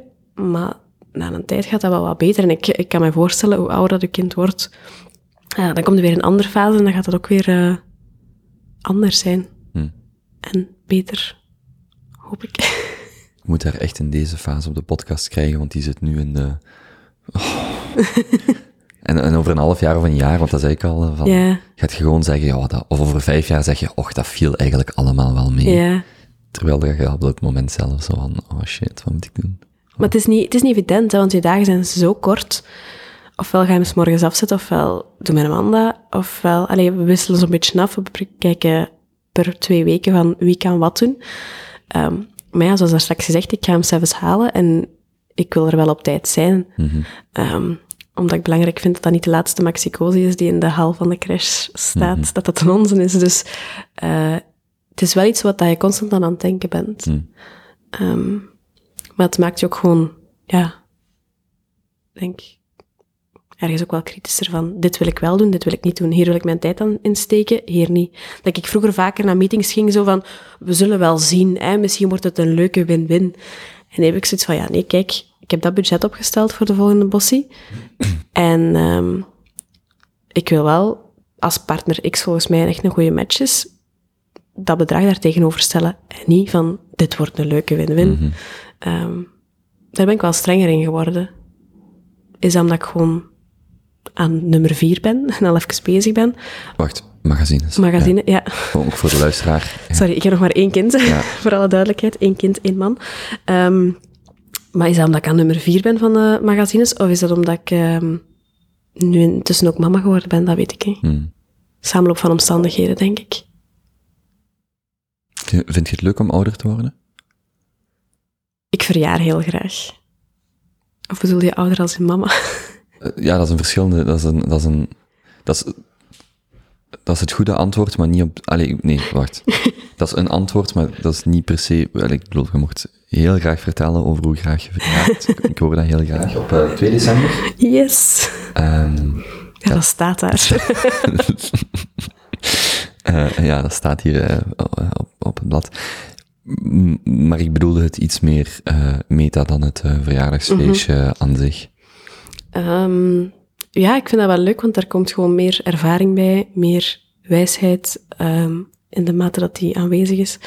Ehm, dus ja, ik vind ook dat elke leeftijd zowel zijn charme heeft. Het is niet dat ik zo heimwee heb naar mijn leven voordat ik kinderen had, alleen een kind had, of mijn leven toen ik nog studeerde. Dat was tof toen, maar ik vind ook heel tof hoe dat leven nu is. Vertel mij eens over die fantastische verjaardagen. Hoe ziet een ideale verjaardag eruit? Goh, eh, chocoladetaart. Sowieso. Dat kwam, dat kwam heel spontaan. Ja, mijn mama had ehm, met mijn verjaardag, eh, de laatste verjaardag nu, had ze de chocoladetaart gemaakt die eh, mijn Marijn altijd maakte. Haar mama dus. En ehm, ach, dat was echt het beste cadeau ever. Dat was een biscuit, dan een laagje crème fraîche, denk ik. Dan wat peren, dan terug een biscuit. En dan is die, die chocoladetaart gewoon gecoverd met zo eh dubbele lait onder crème fraîche geklopt. Dus zo'n beetje bruinachtige crème fraîche. En dan smelt eh dubbele lait ook op een bakpapier. En dan breekt het dat in grove stukken en plakt dat gewoon tegen die taart. Ah, dat was echt het beste cadeau ever.